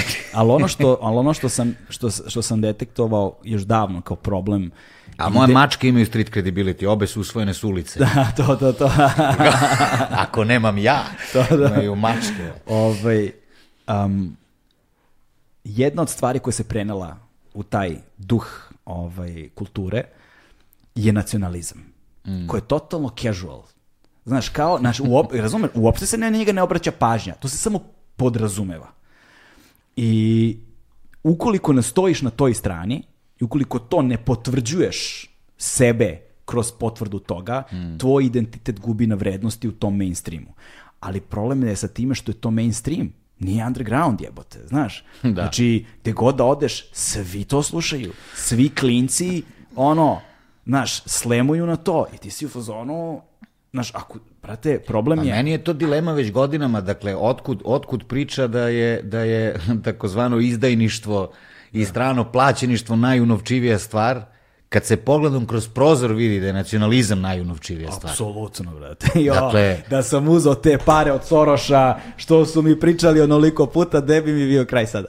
mislim, prosto, znaš, ja verujem, jednog dana nas neće biti, mm. pa će neko moći da ustanovi ko je kako živeo, šta je ko zaista imao, da li je imao, pa će da se ispostavi jedna neverovatna stvar, mm. da svi ti zaboga nacionalisti, ne svi dale, daleko toga, ali boga mi pa evo, sadašnja vlast, na primer, se mm. je, je ono, kalila zanat na da. toj priči. Da, da. A gledaj ti sad gde se to stigli i dalje naplaćuju priču kako mm. oni vole ovu zemlju valjda više nego ti i ja što da. je vrhunska uvreda. Da, da, da. Ja ne mogu da zamislim da čoveku da malo, malo gorih stvari možeš reći čoveku nego što je ti mrziš svoju zemlju i radiš protiv nje.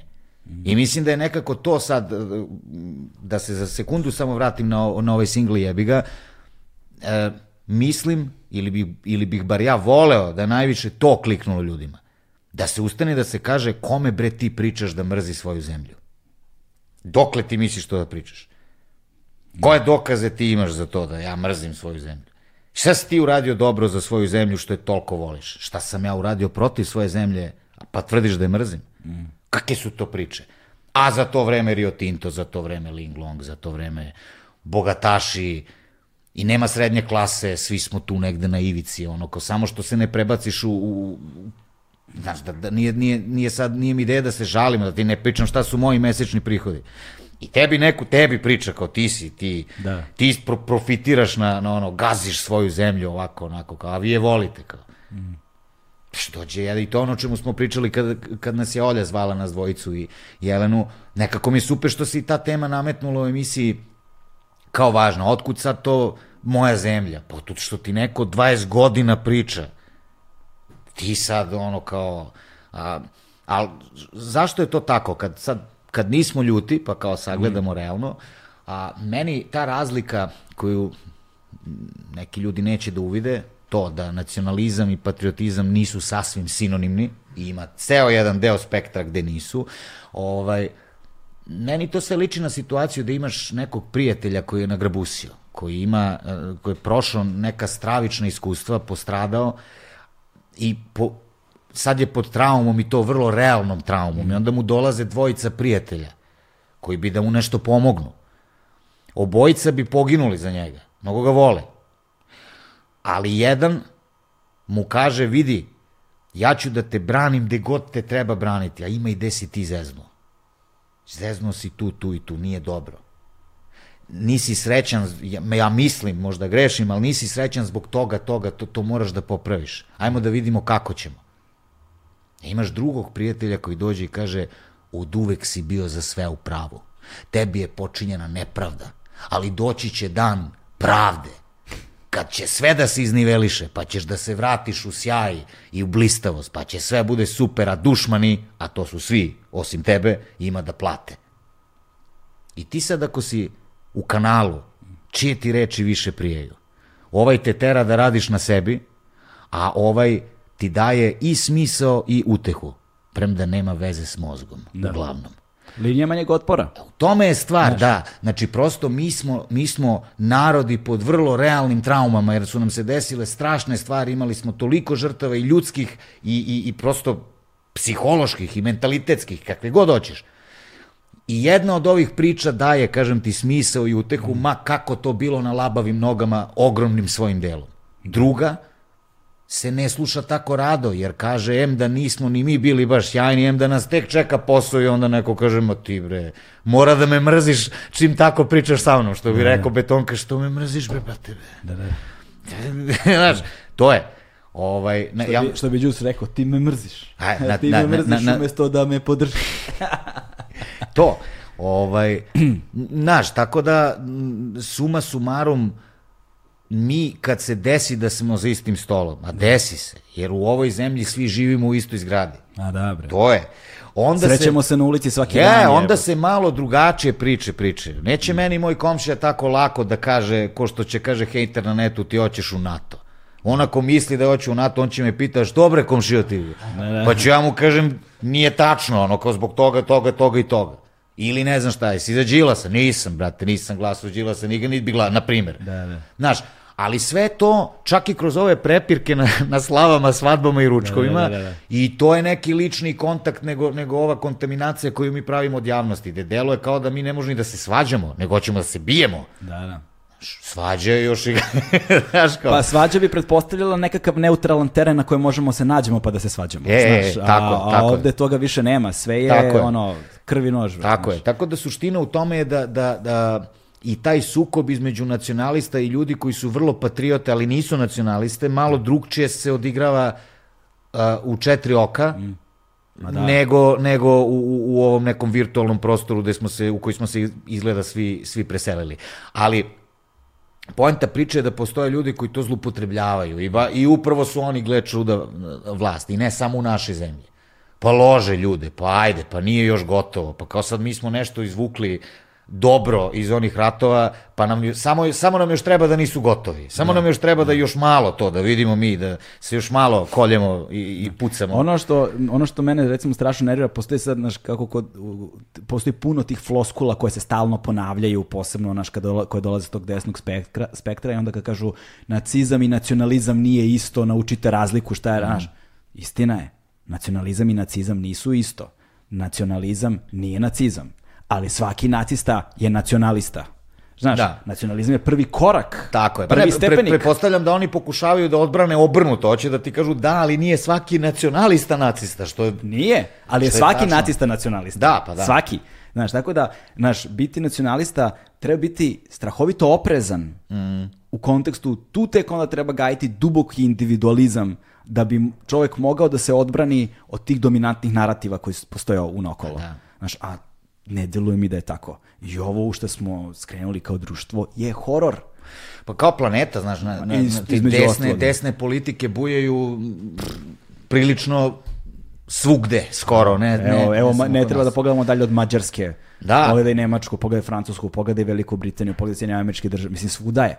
Znaš, da. Ne ali, baš svuda, svuda, ali u samo je, samo, samo je to manje, manje opasno kad pričamo o tim zemljama, da. zato što nisu u ime toga ratovali pre 20 godina. Evo nam ga brat, predsednik Čilea.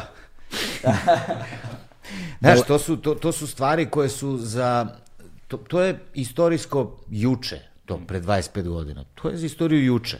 To znači da bi svima nama trebalo se trese vilica na celom ovom našem takozvanom regionu, kako se sad ex-juga zove, kad spomenemo šta nam se desilo. Da. A nama se ne trese vilica, nego smo još preneli ono, štafetu, ono, pelcer, virus na mlađe, da to nije gotovo. Dobre. Tek treba raspraviti. Da kao da... Pa kod nas se živi dalje je mit o velikoj istini za drugog svjetskog rata. E, naravno. Mi još nismo ja, završili s drugim svjetskim ratom, naravno, a kamo li ovo posle? Stvar je samo u tome da ja mislim da, da mi nećemo preživeti još jedan takav sukob. Pa da. To, će da, to, to, će, to bi nas razvali, ja ne znam kako smo onaj preživeli. Mm. Ne, A ne. ovo bi nas razvalilo do kraja. Pa pitanje je kako smo preživjeli. Znaš, to što nismo mrtvi ne znači da smo živi, brat. Znaš. Ne, ne, naravno, pa da, to je, da, preživjeli čisto kao medicinski. Znaš, Ovi što jesu, ima jer, mnogo koliko nije ni na taj način Jer da li ovo što živimo ovde možemo da nazovemo životom i kvalitet, znaš, da li je kvalitet ovog života svakodnevnog, znaš, na šta ovo mm. liči, šta vidiš kad ideš na ulicu, šta vidiš kad uključiš TV, ono, da. šta možeš da uradiš sa platom koju dobiješ, mislim, znaš, koji su ti mogućnosti? Da, kao, ne znam, u Sjednjim američkim državama ljudi ako nemaju ono zdravstveno osiguranje, nemaju za neko kolove, umiru na pragu bolnice. Horor, užas, da. niko ne kaže da to, to dobro. Znaš, kod nas imaš besplatan zdravstveni sistem, ali koji ne funkcioniše. Da. znaš, kao, znaš, šta je tu dobro? Znaš, tako da uh, imamo mi dobre elemente neče, nečega što nam je neka zaostavština, razumiješ, socijalističkog perioda ovoga ili onoga, ali nama ništa ne funkcioniše, jebote, znaš, kao i mi, mm. znaš, i sad kao da stojiš sa strane i da optužuješ druge, kriviš druge, da stalno upiraš prstom u neke a, mitske velike neprijatelje koji nama žele istorijsko zlo, brate, ono, odeš, otpu, sedneš na prvi avion, otputuješ bilo gde, ono, i pitaš kao za Srbiju nisu čuli. Znaš, što je, što je ogroman problem. Znaš, da. i, i onda, kao, sad, jebi ga, razumeš sad, da nisu čuli, znaš, možda preterujem, ali, ali moje iskustvo je da naš, nemamo toliko značajnu poziciju na globalnom političkom nema, sceni naravno, kako naravno, mi mislimo da imamo. Naravno, pa sve što treba je da pogledaš geografsku kartu ili globus. Ja ne, ne znam kako da pomognem ljudima kojima ta slika ne govori dovoljno o tome šta je tvoja uloga u, toj slici. Ovaj. to naravno ne znači da si beznačajan, da ne da. treba da postojiš, ali sve shvatiš da prosto sila svakako nisi, ono, ne možeš da, da. biti sila kad si ovolicni osim ako nemaš ono, da, da Doom button kod sebe ne znam kakav, ono, a nemaš, očigledno nemaš.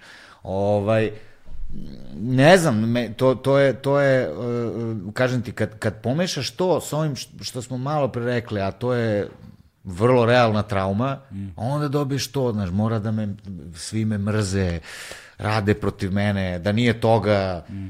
ja bi stigao, znaš, ono kad se kaže, ono kao mi smo jeli jel viljuškom i nožem kad su ove znaš što su više puta neki istoričari ono kao što prosto nije tačno. raskrinkali da mnogi ne samo da nije da vrlo verovatno nije tačno nego i mnogi drugi narodi imaju isti isti mit. Da. a pazi možda i jeste ajde da krenemo od toga ne da znam, jeste tačno. ukucamo na Google koliko je dugo postoji viljuška ja mislim da postoji još od Egipta i ranije ono, znaš, da to, ali ajde da. uzmemo da jeste tačno. Ja nikad nisam razumeo kako taj argument ide nama u prilog da. ako je to tačno Pa kako si stigo do ovde? To, to je još gore. Znači, ti si imao početnu prednost te vrste. Mm, da, da. Haos. Čekaj bre, znaš. Da. Tako da eto. Ne, da se mi vratimo sad malo u prošlost. Znaš, to su te, to su te a, a, kako, a, neprimetne tranzicije. To je ta sfumato tehnika. Znaš, da, da, da. Samo smo prešli u drugu temu, a da nismo ni primetili. Dakle, ja, pokušavam, uh, pričali smo malo i telefon, nego pokušavam da se setim kad smo se nas dvojica tačno upoznali. Ja ne mogu da se setim ka, tačno trenutka, nemam predstavu, zaista ne, ne Baš znam. početkom veka. Jeste, da, ne, znam da je početkom veka. Znaš, Kako grozno zvuči. Da, da, od, otprilike moje sećanje, moje sećanje je negde sledeće. Ja sam u to vreme bio ono, uh, baš blizak, blizak, blizak prijatelj sa Šortijem. Mhm. Mm Ovaj, a, i, da je, i mislim da sam prvi put za tebe čuo... Da, mašimo šorti ako nas gleda. Da, da, slučaju, pozdrav za brata Šortija. Baš ga dugo nisam vidio. Ja, sto godina, ono, znam da ono, oženjen ima gomilu dečice neke strava, to, Naš, e, i ovaj, i, i uh, sećam se da mi on valjda pominjao uh, kao upoznao sam nekog dečka, ono, neviđen car, o, na nekom hip-hop džemu negde, mislim da ste se upoznali, tako nešto je bilo, nemam pojma. Da, da u Nišu, recimo. Kruševcu, ja, Kruševcu. Mislim, ja mislim bio Kruševac, da. Nekom... Bili su Juicy Shorty kao Full Moon e, uh, pa... gosti. Ovaj, a ispričaj pa ću to, da ispričam. To, to, da. Znaš, i, ovaj, i, onda mi, I onda znam da je bila neka priča, otprilike kako se, znaš, nećem se konkretno, ali kao ne, ne, nešto mi onako provejava da je bila priča da treba ovih dana da dođeš u BG i kao da treba da se ide kod Vanje da se snima. I samo se sećam da sam bio kod Vanja u studiju kad ste pisali tekst za definiciju. Ka, za definiciju, yeah. da, kao, kao Most Def i Talib Kvali mi nismo ah. stali, bio sam tu kad ste pisali tekst, ono, da, da. to, i snimali to, snimali to kod Vanje i mislim da je to možda bio dan kad smo se upoznali, ali nisam siguran. Pa vrlo moguće, da, da, da, da. Pa priča ide ovako, mi smo tu uh, uh, iz, iz uh, raznih nekih gradova po unutrašnjosti Srbije se povezali međusobno zahvaljujući čarima interneta koji je napokon tih nekih godina stigao u sve domove. I onda to, gradski čudaci, to malo pre što si pričao, da tu, to je u, u, u BG-u još i bilo ljudi da kažeš koliko toliko, o, je, svugde drugde po Srbiji to si baš gradski čudak, jer vas ima kao petorica u gradu, petoro, možda četvoro, možda, znaš, ovaj, onda ti ljudi, pošto nisu imali s kim više da se povežu u sobstvenom gradu, počeli se povezuju međugradski, u jednom trenutku se napravila jedna lepa mreža, mm. ne znam, Kruševac, e, Zaječar, Kragujevac, e, Niš, e, Novi Sad, Leskovac, nek mi ne zamere drugari ako sam sad ispustio neki grad, Kako sigurno... Kako iz Leskovca bio? CB4. CB4, da, CB4, da, da, da, da, triper ekipa. Ovaj, I uglavnom počeli smo da, da pravimo te koncerte po gradovima po principu E, sad kad dolazimo u tvoj grad ti organizuješ, Aha. a svi izvodimo stvari, znači svako po tri pesme, po četiri, i to na kraju se napravi koncert, jel? A onda sam ja dužan da organizujem u mom gradu, pa zovem sve vas, pa ti dođeš u goste i izvedeš isto tri, četiri stvari i tako. I slali jedni drugima pesme, Da. Ah, ta vremena daje lapa, pošalješ nekome pesmu, a neko ti kaže, taj neko ti kaže, javim ti utiske za tri dana kad se skine. Da, o... da, to, to, to, to, to, to, to. Čim, čim se skine, klikćem na play. Komšije ovaj... te mrze jer zato što ide preko telefonske linije, pa kad zauzmeš liniju niko ne može da dobije broj. Da, da, da. da. I, ovaj, I onda uh, u nekom trenutku smo se povezali i sa, sa uh, drugarima iz BG-a. Dakle, onda je to onako bila i čast jer smo ipak e, naravno čuli za njih, ipak je više se čulo za njih, naravno, ne, ne. uvek je Srbija bila centralizovana, nažalost ili na, na, na sreću, ovde je to bilo i na sreću, jer da. su oni mogli da povuku prosto, da budu lokomotiva da. nekakva, da, da a, više ćete ljudi čuti na tim našim zajedničkim koncertima, ako dođe Full Moon, ako dođe, ne znam, Beogradski sindikat ili da. deo sindikata. Bar. Ali opet, izvini, ali opet je nekako u to vreme, baš zato što je hip-hop zajednica bila tako mala, generalno, da. bila je negde decentralizovana, da, prirodno, zato što je Beograd najveći, pa je najviše grupa ne, ne, ne, ne, to i kažem, naravno, pa da. Ali, ali da. si ti imao, ne znam, to, eto, kažeš Leskovac i Niš, CB4, Defense, ne znam, Di, Ding Dong su bili iz Niša, da, su bili da, da. popularni, evo te, da, da, da. baš su, znaš, tako da bilo je grupa Ne, bila je, da, postojala je mreža i postoje pokret, postojala da. nešto, nešto što se zapravo može nazvati scenom, bar u smislu kako ja to pojmim. Znaš, u književnosti postoji nešto što se zove katalog junaka. To ti je ono u narodnoj književnosti kad, ide, kad junak ide da se ženi, znaš. Aha. I onda samo ono navode ko je sve tu. Volio što nemaju veze s radnjom, ali se nabraja ko je sve tu. A scena danas je katalog junaka. Da, da. To se samo možeš da pobrojiš ko sve tu. Da. Onomad je to, kažem, bila scena u, u, u jednom drugom smislu reči, u smislu nekakvog kolektiva koji se zaista drži zajedno mm. sa nekim istim ciljem. Cilj je bio, uh, kako god sad to zvučalo smešno, da se širi to. Nismo ni znali, što kažeš ti, da će ovoliko da se proširi, da postane, sad ga treba suziti, postalo se svetski mainstream, ono kao, da. znaš, Tad je bila ideja, znaš, bili smo slatki klinci u tom smislu što se nikad u toj svojoj iskreni nameri nismo zapitali, a na koga to treba da se širi. Mm. Jer da smo se to pitali, shvatili bismo da nema više na koga, svi zainteresovani su već tu, sad možda širiš samo na ljude koji slušaju narodnjake. Nažalost, po nas neko se toga dosetio godinama kasnije yeah. i upravo to se dogodilo. Ovaj, po, na štetu zvuka koji se nekad gajio. Ali to sad na stranu, a, Da, na taj način smo se upoznavali međusobno i družili i držali zajedno i tako dalje. Naravno, mali flash forward godinama kasnije su se tu ljudi i svađali i razdvajali i da. tako dalje. Ali ti kad imaš skoro četiri banke, e, mnogo radije gledaš na to kao na, na vreme kad ste uprkos razlikama uspele se sastavite, da. nego što ćeš da pamtiš šta ja znam sad, više ćeš da pamtiš što si bio u Basivitiju nego što si izašao iz Basivitija. Prosto da, da, da. Um, više ćeš da pamtiš stvari koje si uradio zajedno sa Reljom nego što si nekad posvađao s Reljom. Koga da, da. se to tiče?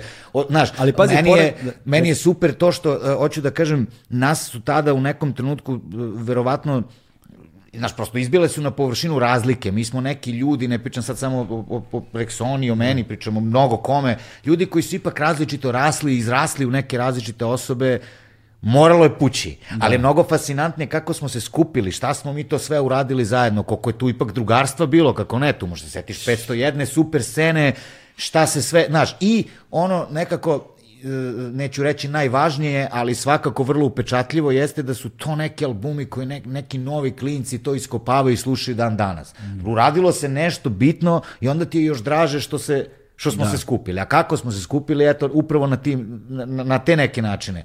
A, upoznao sam tada, ne, to je možda 2000 ili 2001. Borisa Šortija i on mi je spomenuo Vanju kao aj dođi nešto možda da probaš da snimiš.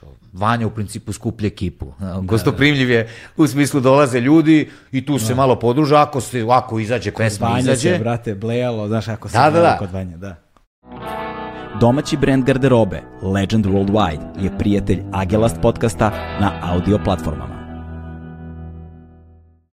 Ako izađe pesma, izađe, ako ne izađe, nema veze, tu se sedelo.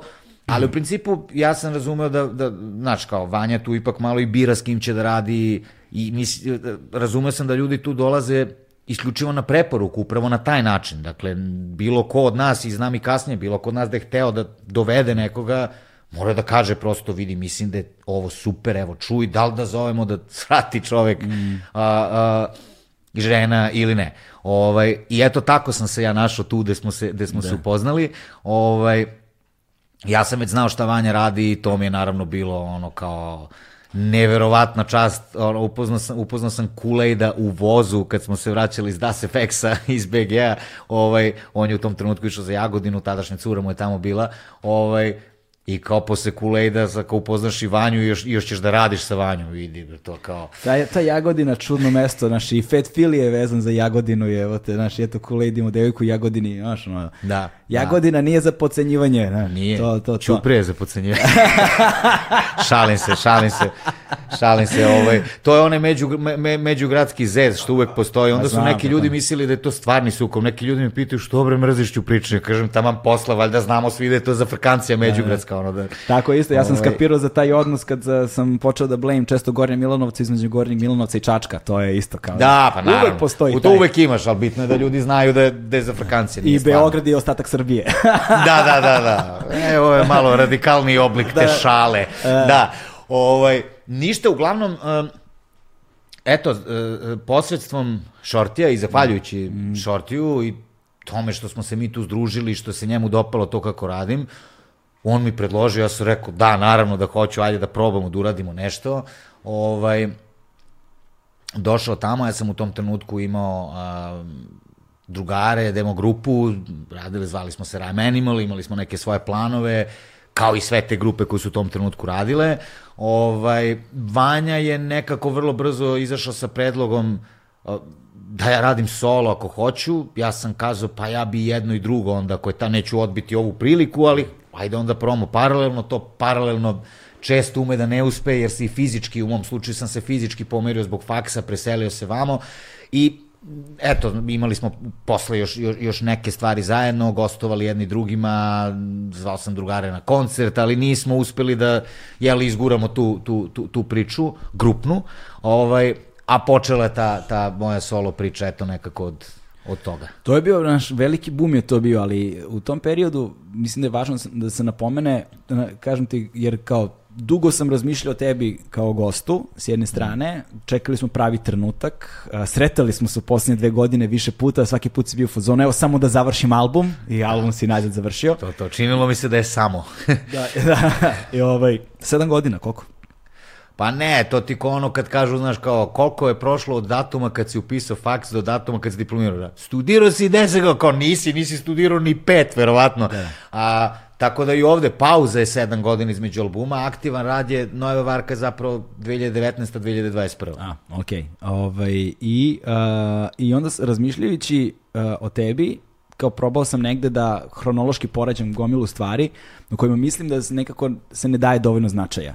Ovaj, ali to je da zapravo brojne stvari si uradio za scenu koje ljudi danas podrazumevaju, koje su podrazumevane, ali tada nisu bile.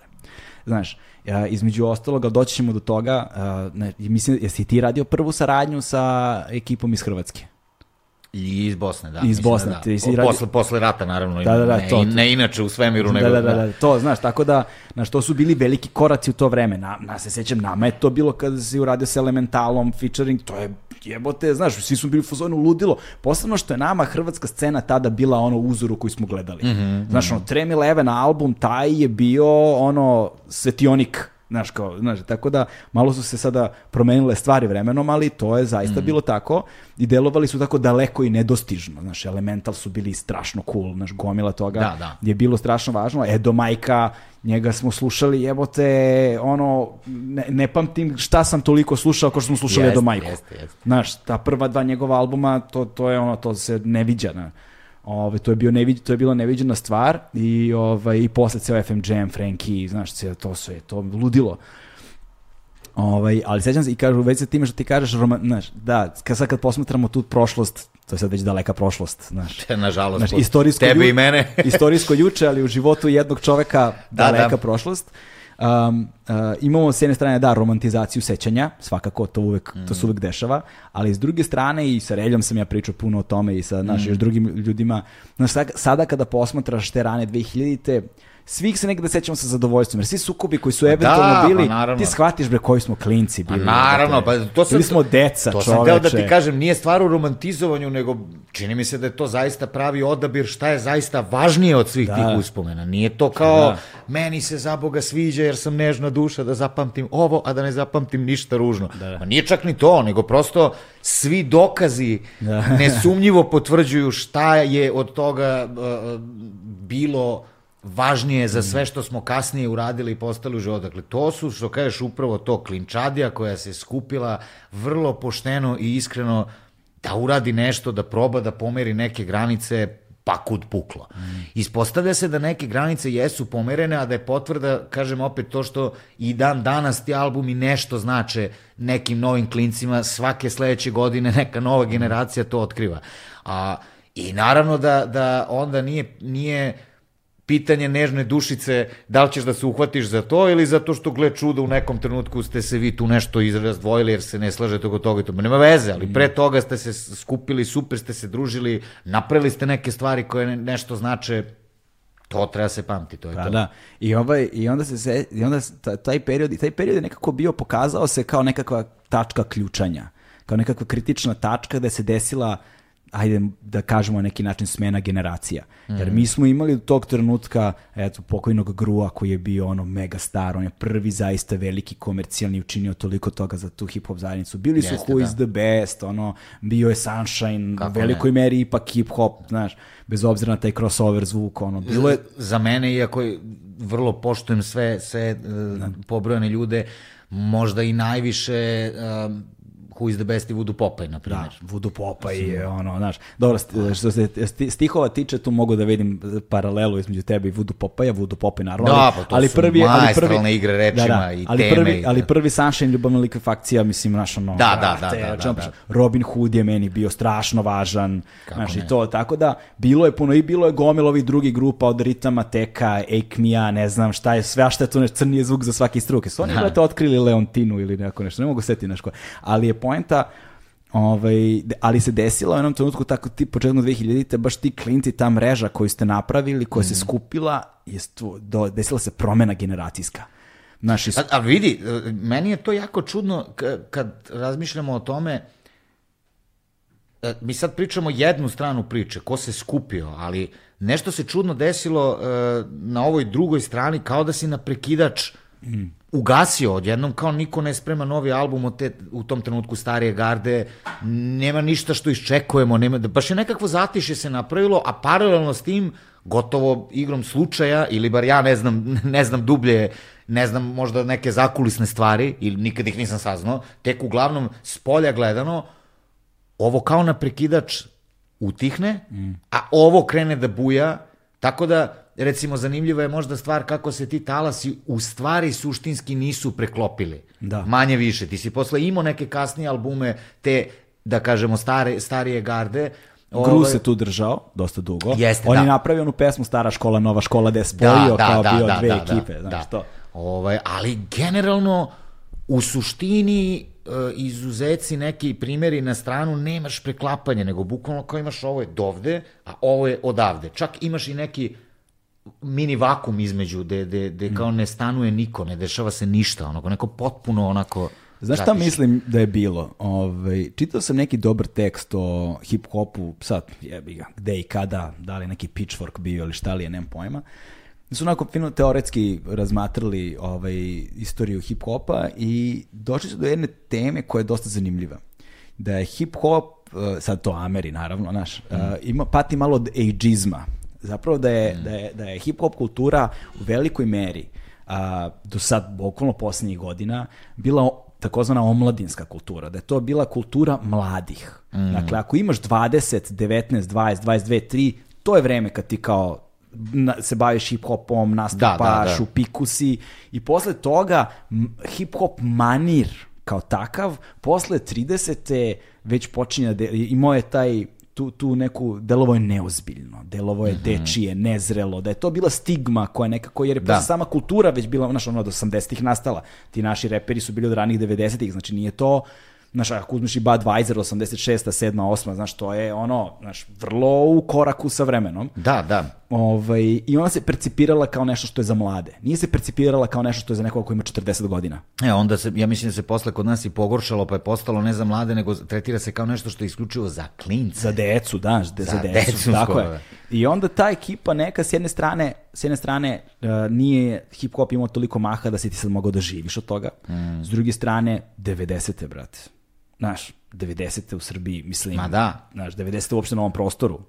I treća stvar, ta stigma ono omladinske podkulture, nazovimo mm. je tako, sve zajedno mislim da negde imala efekat uh, da su se, da su velika većina tih grupa samo zamrla, da su počeli se baviti drugim stvarima. Moguće, da. A onda se desilo i bombardovanje, Naravno, i pad da, da, da, slobe da. i znaš, tako da... Ne, ne, to ništa nije nezno. Meni, kažem, samo je tu onako uh, simptomatična stvar da je zahvatilo čitav njihov talas, mm. da dakle nemaš ono kao i, i prak, da. skoro pa nema da. izuzetaka, nego kao svi su shut down u istom momentu, mada da. i dalje potpada pod objašnjenje koje si dao. Pa to, a opet desila se i stilska promena. Mm. Znaš, kao dosao se internet, što da, je da, radikalno da, da. promenilo sve, i onda se hip-hop zvuk promenio. Znaš, kad se pojavio 50 Jeste, Cent in the da. Club, znaš, kad se pojavio Eminem, ono, Marshall Matters, to je bilo, čoveče, pogledaj sad koliko je Eminem u tom mainstreamu nevažan, Da. A šta je on bio? Pa je, ali na primjer, eto, baš na, ba, baš na njegovom primjeru možemo da, da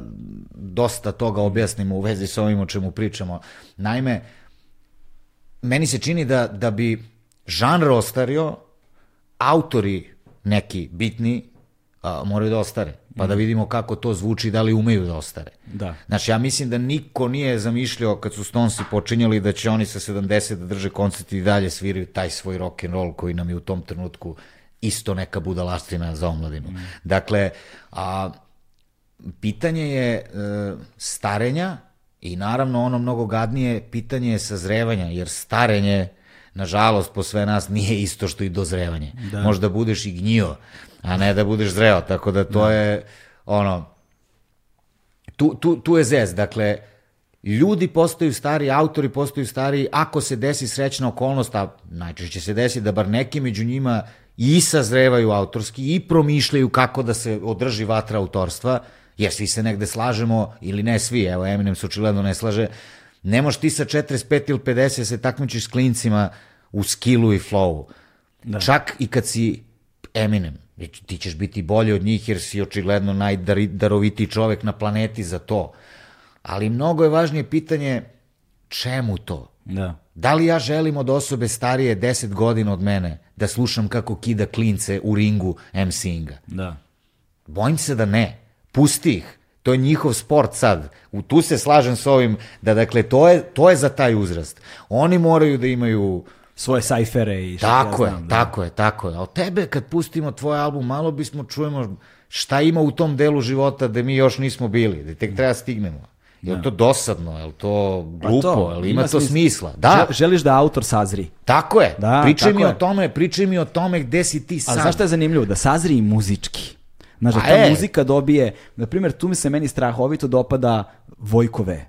Mm. Znaš, kako je taj lik sazreo kao umetnik, to je neverovatno. Znači ja mislim da ja njega želim da slušam dokle god ima ne, za, u njemu snage da pravi nešto. Zato što Vojko sve vreme ovaj, nekako i, i dječaci još kad su bili, uvek su mm, kršili tu strogu definiciju, taj recept o da. kom pričamo. Dakle, no, da, ovaj, muzika napraviti Vojko punjene paprike šta ga briga i to stavi na hip hop album. da, da.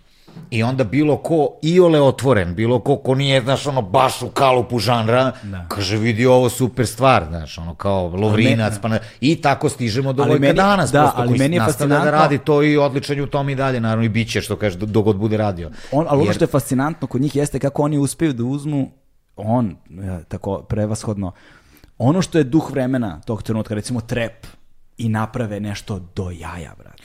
Pa u tome je razlika između onoga ko su u stvari, znaš, da sad se niko ne uvredi, ali u tome je razlika između bavljenja umetnošću ili nečim što da. pretenduje da bude, ko što rekao na početku ovog razgovora, i pukoj želji da radiš isto što i svi. Mm. U tome je stvar od uvek bila. Da. Dakle, a, evo da ne pričamo drugima, uzet ću sebe za primjer. Meni se čini da da bi mogo da počneš da luduješ, ima dva načina. Jedna je da budeš lud odmah.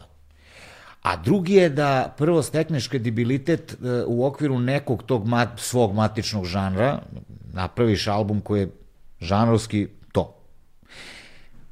Da bi ljudi rekli vidi može. Mm. I onda slomiš tu definiciju o koleno.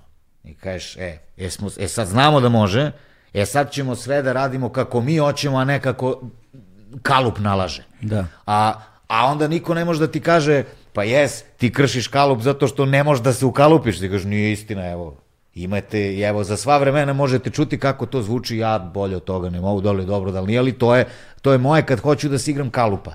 Sve nadalje, je potraga za svojim autorskim glasom. I za mene 21. vek je mnogo više, to sam na više mesta pričao, mnogo više vek autorstva nego vek žanrova. Žanrovi su mi 20. vek, ono, do se, do se tu ustoličilo. To pa si ti, pravo. E, pa ti bilo drago da pripadne žanru, kao mm.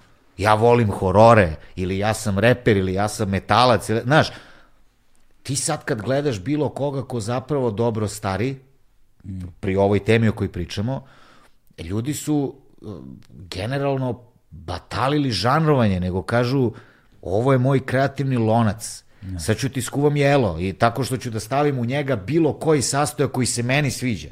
Ali imam svoje začine. Pa da. će to da zvuči kao ja. Međutim, nemam nameru da ti kuvam samo, znaš, ono, nije ovo Ali, restoran pazi. isključivo italijanske, srpske ili kineske kuhinje, da. nego imam sastojke čega god hoćeš. Da. Ali imam i iskustvo, pa umem da skuvam.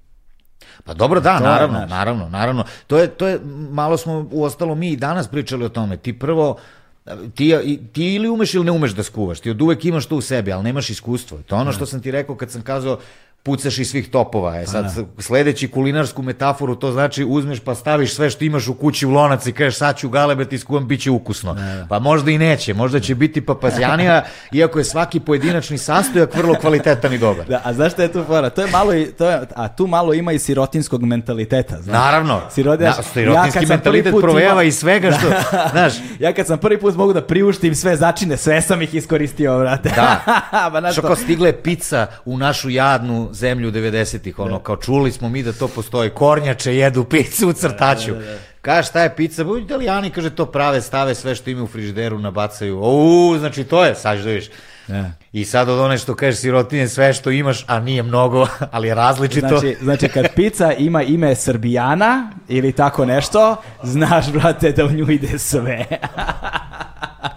Svako meso koje postoji, ono ide. Ima i one za obavezno. Jo, ne, ne, molim te, sad mi je već loše. Ma to znaš oko najveća uvreda za italijane. Mada i kečap u stvari ko ne bi, ne bi trebalo, ne. kamoli majonez. To, to, to. Tako da, znaš, to je bilo isto vreme, sećam se kada se pojavio kari kod nas. Kari, jebote, svi su stavljali kari u sve, u pičku, da, da, da. brate. Kari je bio ono, samo što u ko, tortu ne stavljaju kari. Ko sad kari. kurkuma. Znaš ti, od sramote, ja sam čuo za kurkumu tek predno pet godina. Ja sam mislio da me neko zajebava.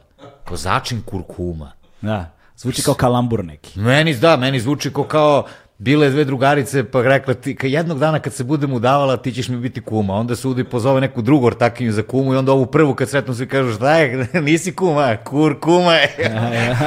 e, kur si kuma je. Evo, druga, drugarica kuma da, umesto da, tebe. Ove, Mislim, e, pa nisam, ali, nisam, da. iskreno nisam ni ja čuo za kurkumu. Ovaj, ha. pre, pre, znaš, lago bih ako bih rekao da jesam. Znaš, moj kum 100% jeste, ali ja nisam. Znaš, ja sam za kurkumu e, čuo... U, para, zapravo ne znam kad u Paraćinu mi ni za kari nismo znali, a ti si znao. Pazi, mislim da smo za kari otprilike svi saznali u isto vreme. A ja, da, ja, ne pamtim, stranu, da. ja ne pamtim kad sam prvi put jeo kari, ne, mislim, jelo sa karijem, nisam jeo kari. Ali kazi, pazi, koja sirotinja bila, možda i jesi, je, kad smo ga napokon dobili, ono kao... To, stra... Daj mi kutlaču za kari. No, tako da, I tako je bilo i kad se pojavio, kada se prvi put pojavio 3D u bioskopima. Čoveče, ja nisam mogao film da gledam do kraja, bolela me glava od 3D-a. Dok, naš, vremenom se čovek navikne, pa onda to svede na neku normalnu meru. Da. Znaš, i tako je isto i sa začinima, tako isto i sa muzikom, tako isto i sa svime. Znaš, ja kad se setim, ovaj, kad se recimo pojavio dubstep, brate, ja sam odlepio za tim dubstepom. Da, da, kako ne. Samo kako kucanje, ne. Da. bobo, bobo, bobo, bobo, ja to sad ne mogu zamislim sebe da slušam tako nešto, znaš. Eventualno da. ovog Burial, ili tako nešto, o, brate, dalje od toga... Da, ne u toj meri, verovatno, kao ta, da. Znaš, dubstep mi ono, znaš, ne znam. I drum and bass pre toga, ah. Pazi, za drum and bass uh, mi je od uvek bio misterija. Zato što uh, drum and bass posebno taj neki likvid, taj latino, ovo, ono, naš od Patifa, Marki, Stamina, to. Taj and bass je toliko plesna muzika. Znaš, toliko melodična muzika može da bude. Da. Toliko je, ima i komercijalan sound, bre čoveče, ima totalno. I sad ti, nikad mi nije bilo jasno kako drum and bass nikad nije postao mainstream. Mm. Bilo je nekih pop hitova. Pa da, da, kročio je na taj, dva, na taj tri teren se da kažeš. Da, da. nešto, kročio je malo, uvek je bio na granici tog, ali nikada zapravo drum and mm. bass nije postao full mainstream i meni je to misterija. Misterija mm. mi je, zaista je misterija. To mi je misterija kao recimo što recimo britanski izvođači uh, nisu uspevali u Americi naš bude ono, naš Craig da. David nikad nije napravio američku karijeru, ne znam, naš, ono, ko je eventualno napravio, Robin Williams, i sad dobro, ne govorimo o, ono, o metalu i to, znaš, to je sad potpuno druga Beatlesima i to skroz druga da. priča, ali kao, znaš, taj neki, recimo, crnački zvuk, naš Grimes se nikad nije probio Ameriku, tu stepu da ne govorim, Artful Dodger, znaš, to nikad nije postalo, mm. sad, a nekako je pravilo, ako ne postaneš u Americi popularan, ti zapravo nisi globalno, globalno pa da, mainstream, pa da, pa znaš. Da. I ovaj, ali od svih tih pravaca, ajde kao jungle je ostao underground i on negde jeste underground sound, znaš, ali drum and bass mi je baš misterija, jer sam, mm. ja sam bio ubeđen da će drum and bass postati... Potpuno. Slažem ono, se potpuno. Mada vidiš, ono, e, iskustvo pokazuje da kad postane mainstream, e, igrica se pokvari. Dakle, A. onda se samo uzmu se najbolji, najbolji alati iz kutije, jel? Da, da, da. I onda se primene na neku potpuno drugu mašinu, da tamo zavrnu da. šrafove i da se napravi neki kentaur od koje čega i da, znaš, u suštini umre ono od čega se krenulo uh, da, bi, da, da. bi se platforma digla na taj nivo da je sad svačija. Zato je možda nekad i slatko što nešto ne uspe na taj način. Ali s druge strane postoji problem sa velikim brojem žanrova Uh, ako se ne razvije u širi krug od sebe, onda ti fanovi postanu najgori.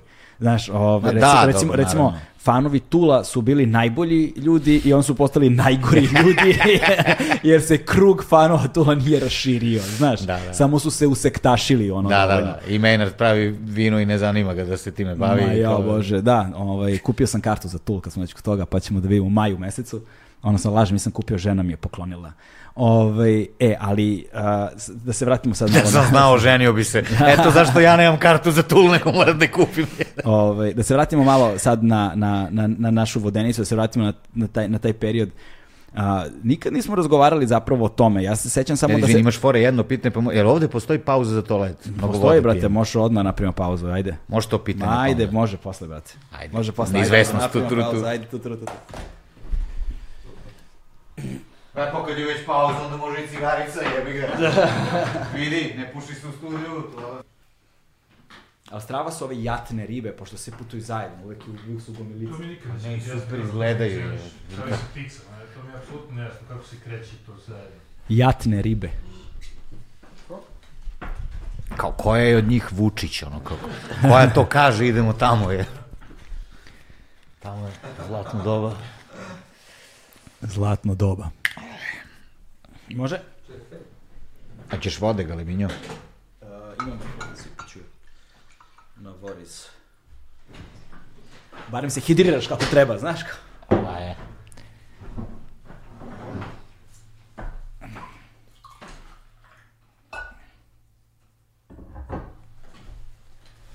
Može, brate, pljes. Pljes, pljes, pljes, može? Može. Gde smo stali, brate? Nešto sam teo da pitam. Misliš sam da ti znaš. moj je zadatak da znam, ali... Ti si teo da pitaš. da, da, ali sam, ali sam, ali sam zavolio. Ne, znam, sećam se.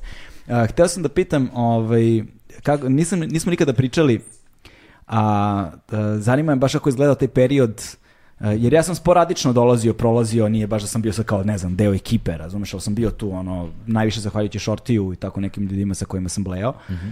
Ove, ovaj, ali to ostvarivanje te saradnje sa, sa ne znam, Edo Majkom, sa Elementalom, na primjer, kako je to izgledalo? Kak, ne, kao ostvarivanje kontakta, ra, zajednički rad, znaš, nije bio internet baš ko što je danas, ni same društvene mreže, ni ništa, znaš, pravljenje pesme i to iskustvo u ukupnosti. Pa to je dobro što nije kao danas, zato što da je danas uh, sve bi to svako mogo da uradi negde kod sebe pa da, da pošalje. A.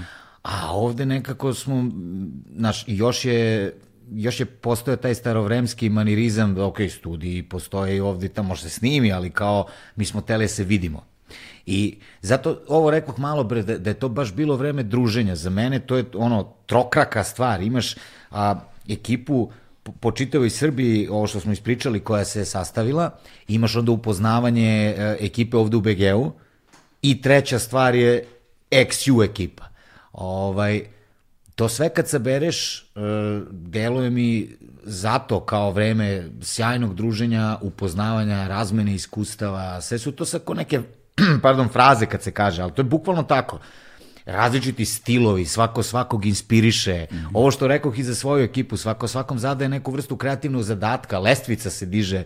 Ovaj, bilo je jako uzbudljivo biti svedok i učesnik. To je, to verujem, i to što si ti zakačio kad si svraćao, je, je nekako to, vidiš da ljudi seli, druže se, ono kao sve je, sve super bilo u tom smislu. A, a predstojali su izazovi koje možda nismo sasvim, sasvim shvatali. Znaš, ja, da ja se sećam toga kad je Basiviti postajao izdavačka kuća, e, došli su Relja Ika i onda e, su Reljim brat uh, je držao, ili možda, ja mislim, danas drži, jel? Soulflower, ne znam da... Mislim da da, da. Da, da. Dakle, kuću koja između ostalog registrovana je bila, ja mislim, za produkciju, video produkciju, takve stvari, ali su, dakle, mogli biti E, da se registruju i za izdavaštvo. Uh, I oni ponude nama klincima, ali jako lepo su to uradili. Pozvali su nas na sastanak i rekli mi mislimo da ste super, mi bismo da ovo od, Vanjine, tako reći, kućne marke postane prava izdavačka kuća. Razmislite da li ste za to. Mm. Je bila mnogo slatka situacija jer je Čava, Ajs najstariji među nama i sad si gledamo Čavu, ga treba da nešto kaže. Čava kaže, vidi Veljo, to ako bude super, svi ćemo to da guramo, ako ne, ja ću skupim ove ljudi da se isprdimo na to. Da. kao, zvuči, zvuči kao nešto bi Ajs rekao, apsolutno.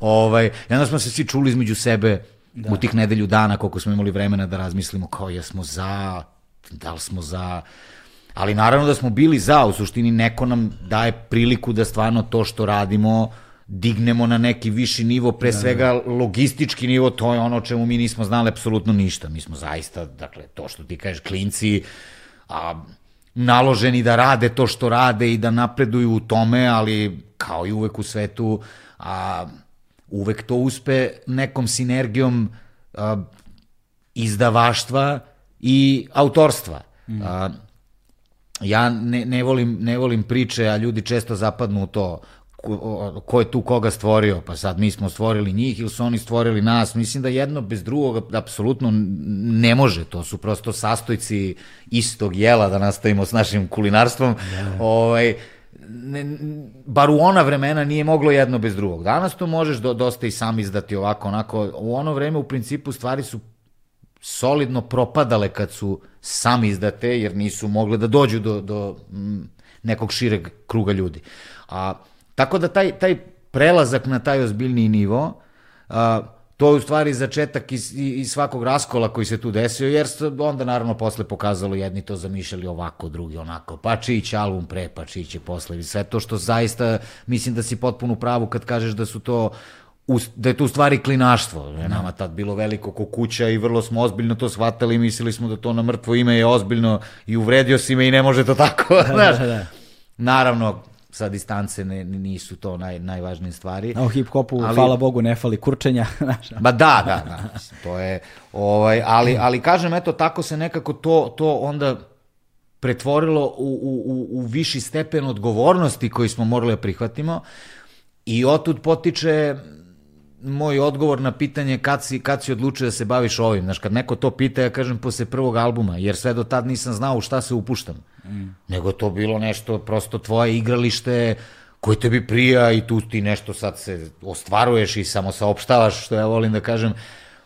A tek kad uradiš album i to prođe, ne, neko jedan, neko dva, tri, ali taj album koji ne neku pažnju širu privuče, da ti malo osetiš šta to nosi sa sobom i lepo i ružno, tek tad imaš materijala za pošten razgovor sa sobom, gde ćeš reći sebi, ok, Burazeru igrica je to, to, to i to, mm. čašu meda i te fore, da li ti zaista želiš da, da, da ovo bude jedan ogroman deo tvog života ili ti je dosta? Da. Poigrali smo se, lepo je bilo, ali ovde ima previše stvari s kojima ne možeš da se nosiš.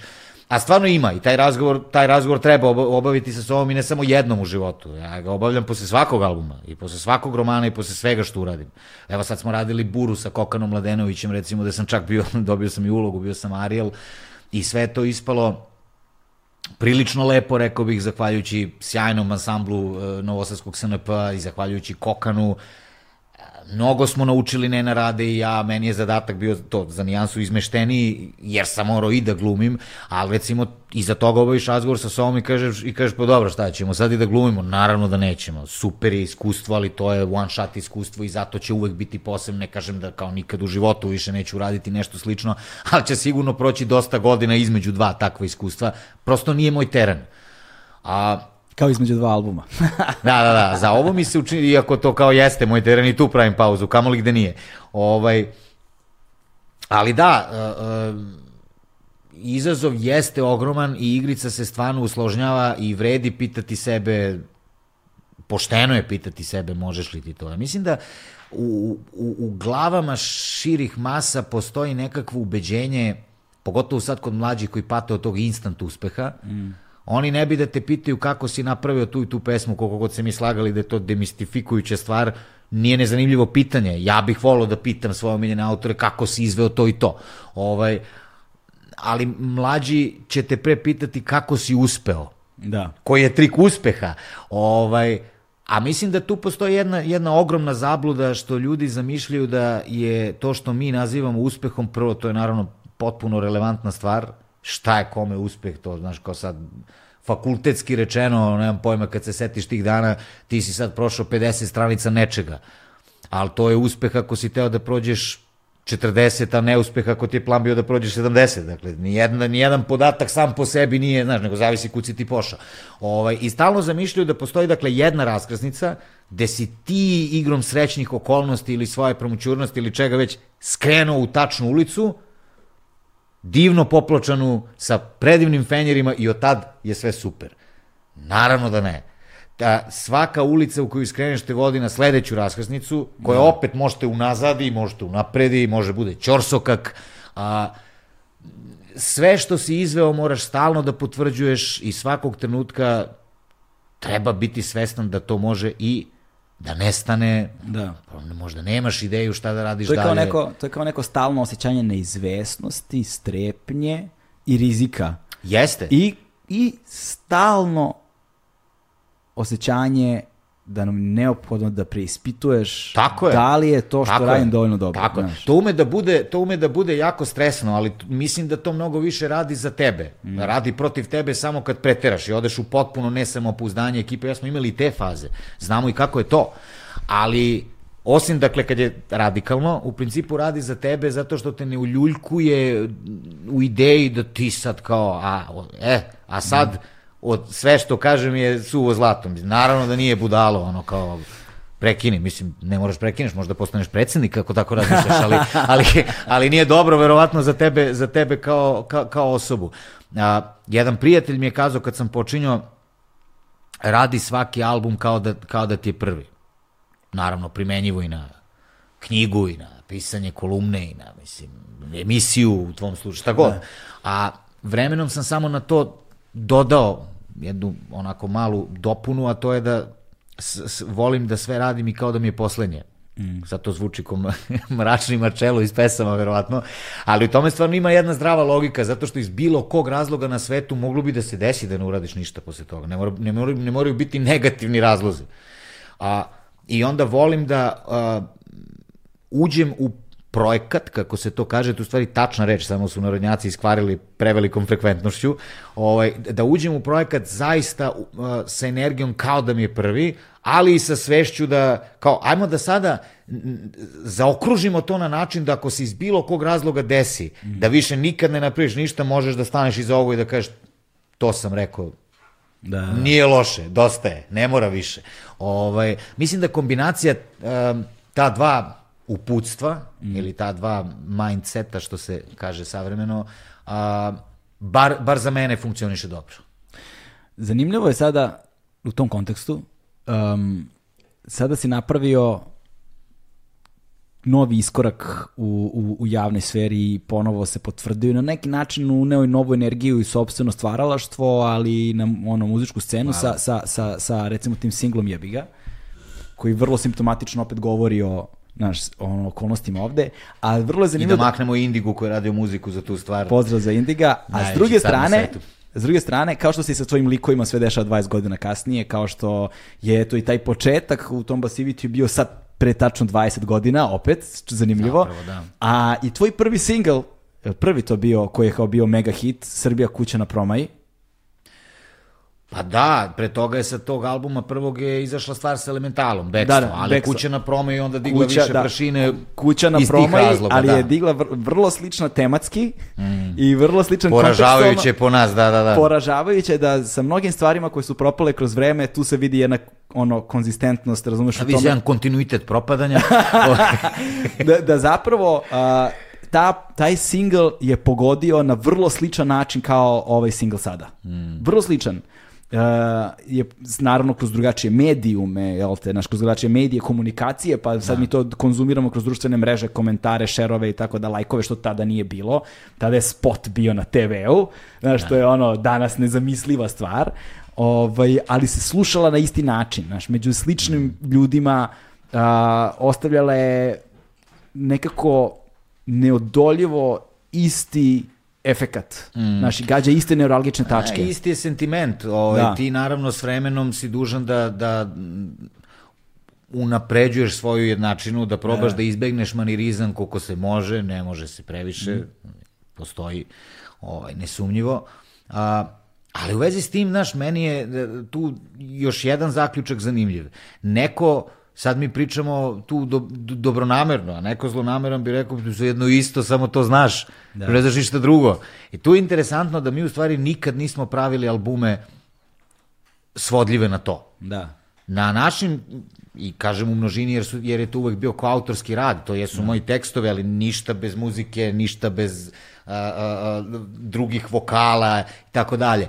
Ovaj, albumi su uvek bili prilično šareni u tom smislu. A zašto to ističem kao važno? A, zato što očigledno prosto se mora primetiti da taj utisak istosti, da tako kažem, nema veze s ponudom, nego s potražnjom. To prosto najviše plane jer nas to muči, tišti ili koje god da je objašnjenje. A, a ove neke albumske stvari, ne znam, krenimo samo od ljubavnih pesama, mi smo vrlo ponosni na ljubavne pesme, ima na svakom albumu poneka. Ovaj, naravno da to nikad ne digne tu prašinu, jer kao...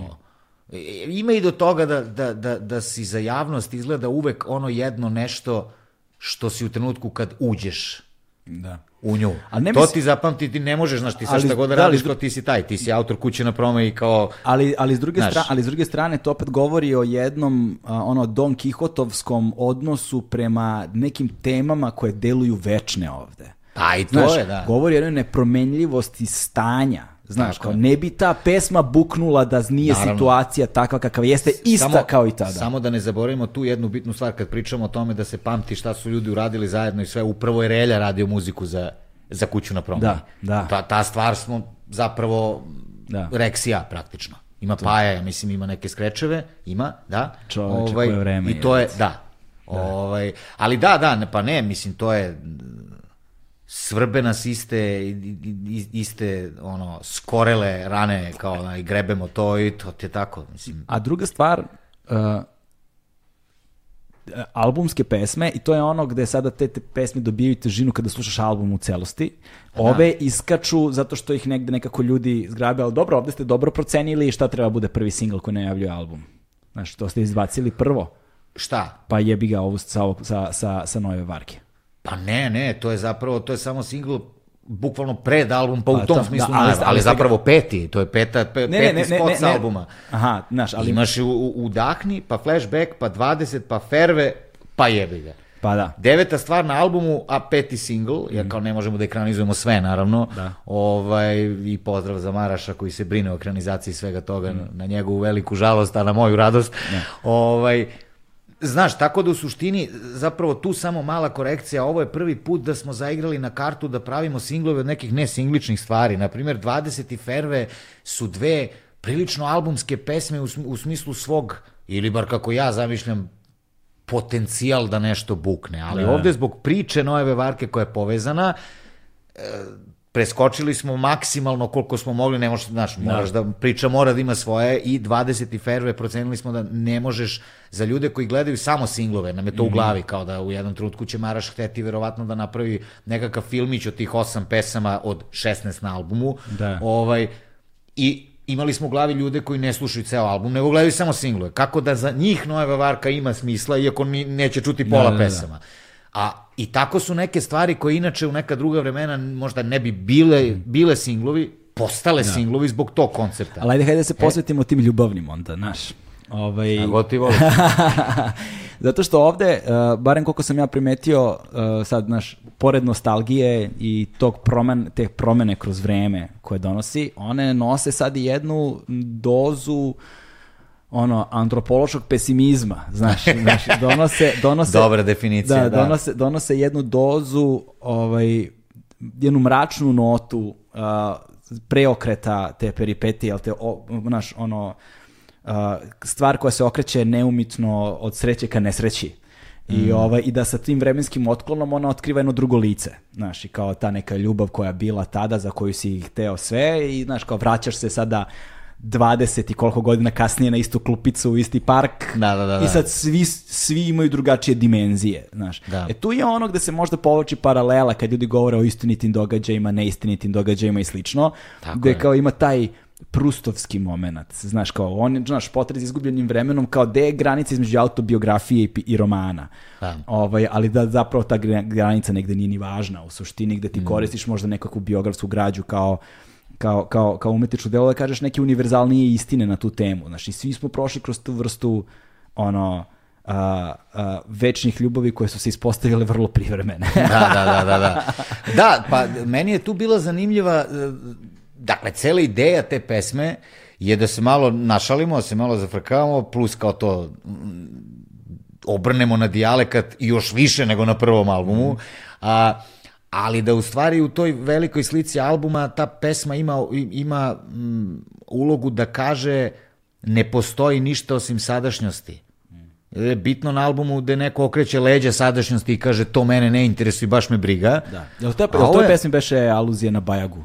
Ne? Ne, to je u 20. To je 20, da. Ali 20 ide, ide odmah posle flashbacka. A, e, pa da, zato mi je, Znaš, da. Za, ta, tako su i povezane da u suštini a, ono, ono što mene možda tišti, možda više i ne, jer sam to prihvatio kao takvo, jeste da sve one motivacione polubudalaštine gde se kaže živi u sadašnjem trenutku, u stvari jesu tačne, mi smo zarobljeni u sadašnjosti i to je prosto na, na, naša, naša ono, a, sudba, ti nemaš čemu da se vratiš, jer je nemoguće, osim u slučaju time travela, a ko prati fikciju zna da ni time travel ne pomaže baš mnogo da ovaj, u te svrhe, a rečju, ti možeš da se vratiš na mesto gde si bio srećan, među ljude, ali, ali to nije to mesto i to nisu da. ti ljudi, ili bar ne sasvim to mesto i ne sasvim ti ljudi, nešto se izgradilo, neko se promenio, nekog više nema, daleko bilo, da, na to mislim kad kažem suštinski nemaš kud iz sadašnjosti. I, I onda od nje moraš da napraviš neko dobro mesto za sebe, ili ne valja. Onda da. prosto to patiš za, znaš, nostalgija je vrlo čuven bodež. Mm. Ono kao tu, tu ima nešto, nešto tako privlačno, da. ovaj, ali možeš vrlo da se posečeš. Da. Zašto? Upravo zbog toga što ne, zapravo ne možeš da se vratiš. Da. I to se onda okrene protiv tebe. Ako previše, znaš, uzmeš da, da, da poveruješ, da kad uzmeš sad ono, a, a, a, ne znam, uzmeš svoju a, omiljenu epizodu Alana Forda pa umisliš da će ti biti baš isto smešna ko nekad, verovatno ćeš izgubiti. Da. da taj dan ćeš završiti razočaran.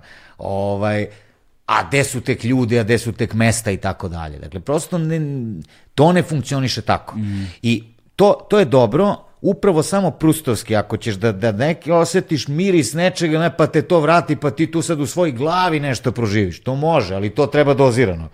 Međutim, fizički tražiti od ljudi da se vrate u ono što su bili ili u mesta, nešljaka i više puta gledam, na primjer, to sa albumima, a, a, recimo, ljudi vrlo vezuju svoje omiljene albume, ne samo albume, nego dela bilo koje vrste, za tačno određeni period svog života.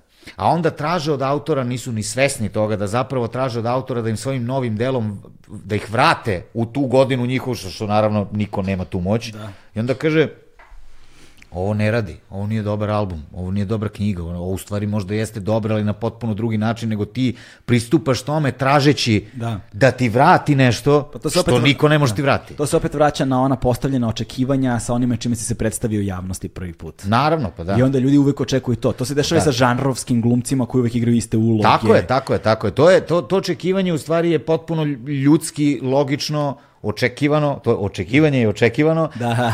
ali, je, ali je neprijatelj autorstva, zato što je glavni zadatak autoru, ako hoće da bude dobar, upravo da ti ne da to. Da. Pa makar pogrešio, on mora da traži dalje, on mora da ode na neke svoje terene, moraš da mu veruješ da, da tamo ima nečega i da je tamo s razlogom pošao. Da. Možda ti ne legne do kraja, možda ti ne legne uopšte, nisam siguran kome, ko je tačno lud za poslednjim albumom Arctic Monkeys-a posle pretposlednjeg koji je kao svima bio wow. Da. Ti slušaš poslednji na foru si Ne znam šta ne, se htelo. Baš smo pričali puno mi o tome. Znaš, da. ali to ne znači da neću slušati sa jednakom pažnjom o, sledeći kad prosto ajmo da vidimo koje su to faze, kuda da. to ide. Ne moram ja, ne mora sve meni da se svidi. Da. I ne moram da dignem ruke. I ne moram ja sve da znam. pa ne, o, znaš, ali ozbiljno i ne moram da dignem, niti ni je fair da dignem ruke od autora zato što u ovom trenutku smo na takvim tačkama u životu da ne, kao ne razumemo o čemu pričaš. Ne znam zašto ti je ovo sad zanimljivo. Ali to ne znači da si kreten i da si poludeo. Da, A što da. ljudi su vrlo skloni da rade. Malo pre smo zakačili trep. O tome imam da kažem samo jednu stvar. Mislim da je ozbiljan zadatak za sve nas da učimo razliku između hejta i pukog ne sviđa mi se. Mm. To može se kaže ne sviđa mi se, ne mora krvavi oči što se kaže u paraćima i penaj go.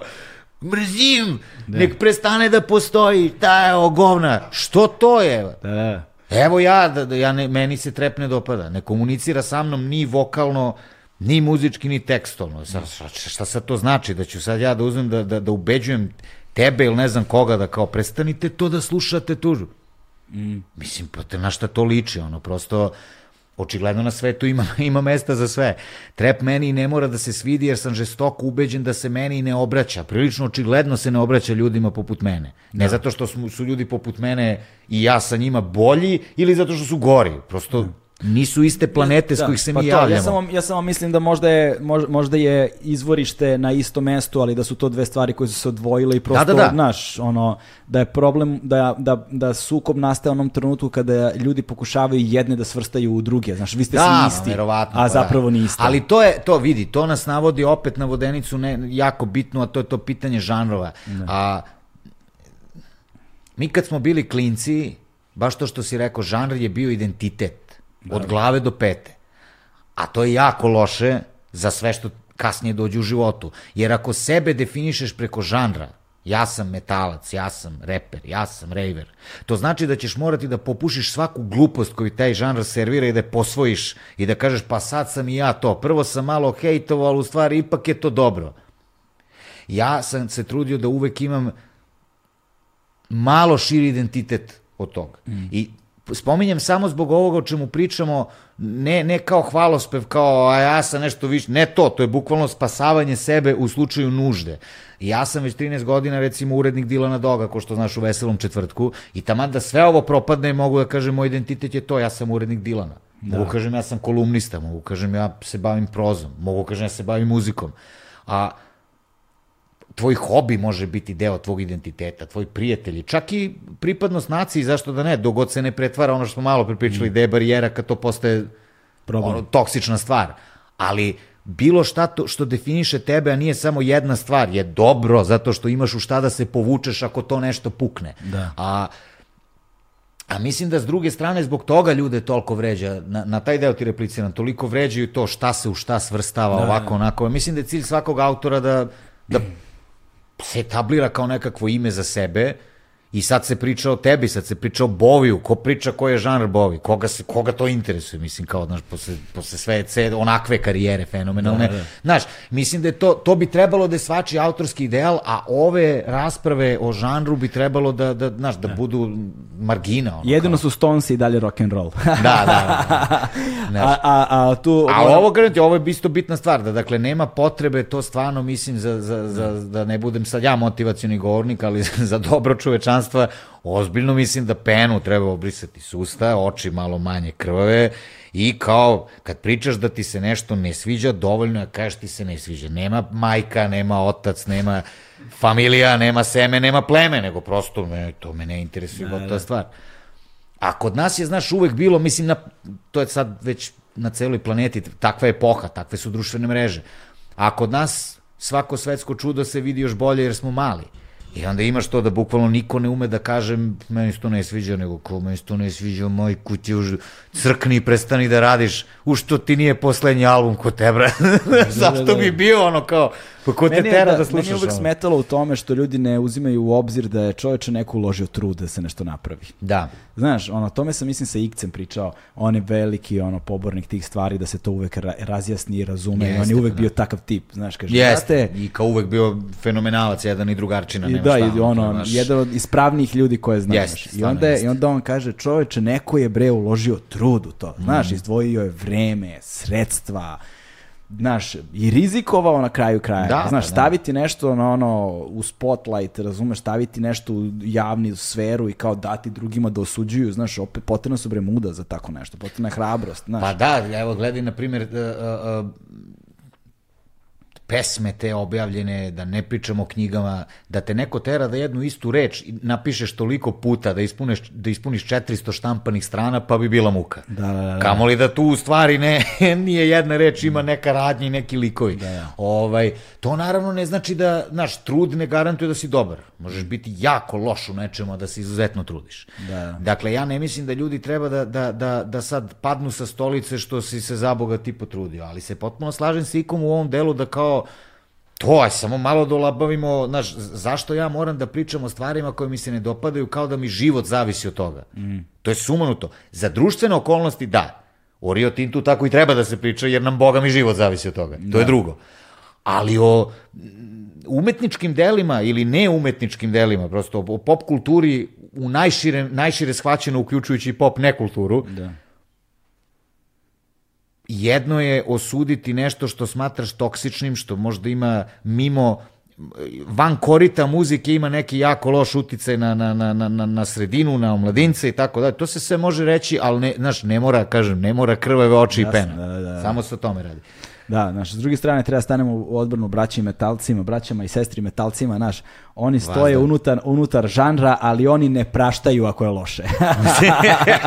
Brate, metalci ne praštaju, ne praštaju ako proveriš člana benda, a ne ako, ako ti imaš loš single, ne daj Bože ceo loš album, onda si prokažen. Vidi, moji drugari metalci, boga mi ne razmišljaju tako, mi ono... Trpe svašta. Mi, kažem mi, zato što to bukvalno ja više dobar deo moje playliste je upravo to, prog rock, da. na primjer. Ovaj, ne, vrlo su, mislim da su se tu, osim naravno kod najzagriženijih nekih obožavalaca, vrlo su se tu otvorili vidici da, mislim, sam taj prog rock je kao ili, ili, ili ono što se zove post rock i post metal i post, mislim, mi u stvari sad stvarno jesmo post svašta nešto. Da. A to post dozvoljava da se malo, znaš, ko srede misli da se dozvole crossoveri, eksperimenti i svašta nešto, da se prosto ljudi to, žanrovi su odrasli, samim tim su prestali da budu strogo žanrovi, osim kad neko baš hoće da strogo žanrovi i ja to poštujem, meni je to super, znaš. Da. Ja, kažem ti, vrlo malo slušam hip-hop, to me naj, najmanje zanima, nažalost ili na sreću,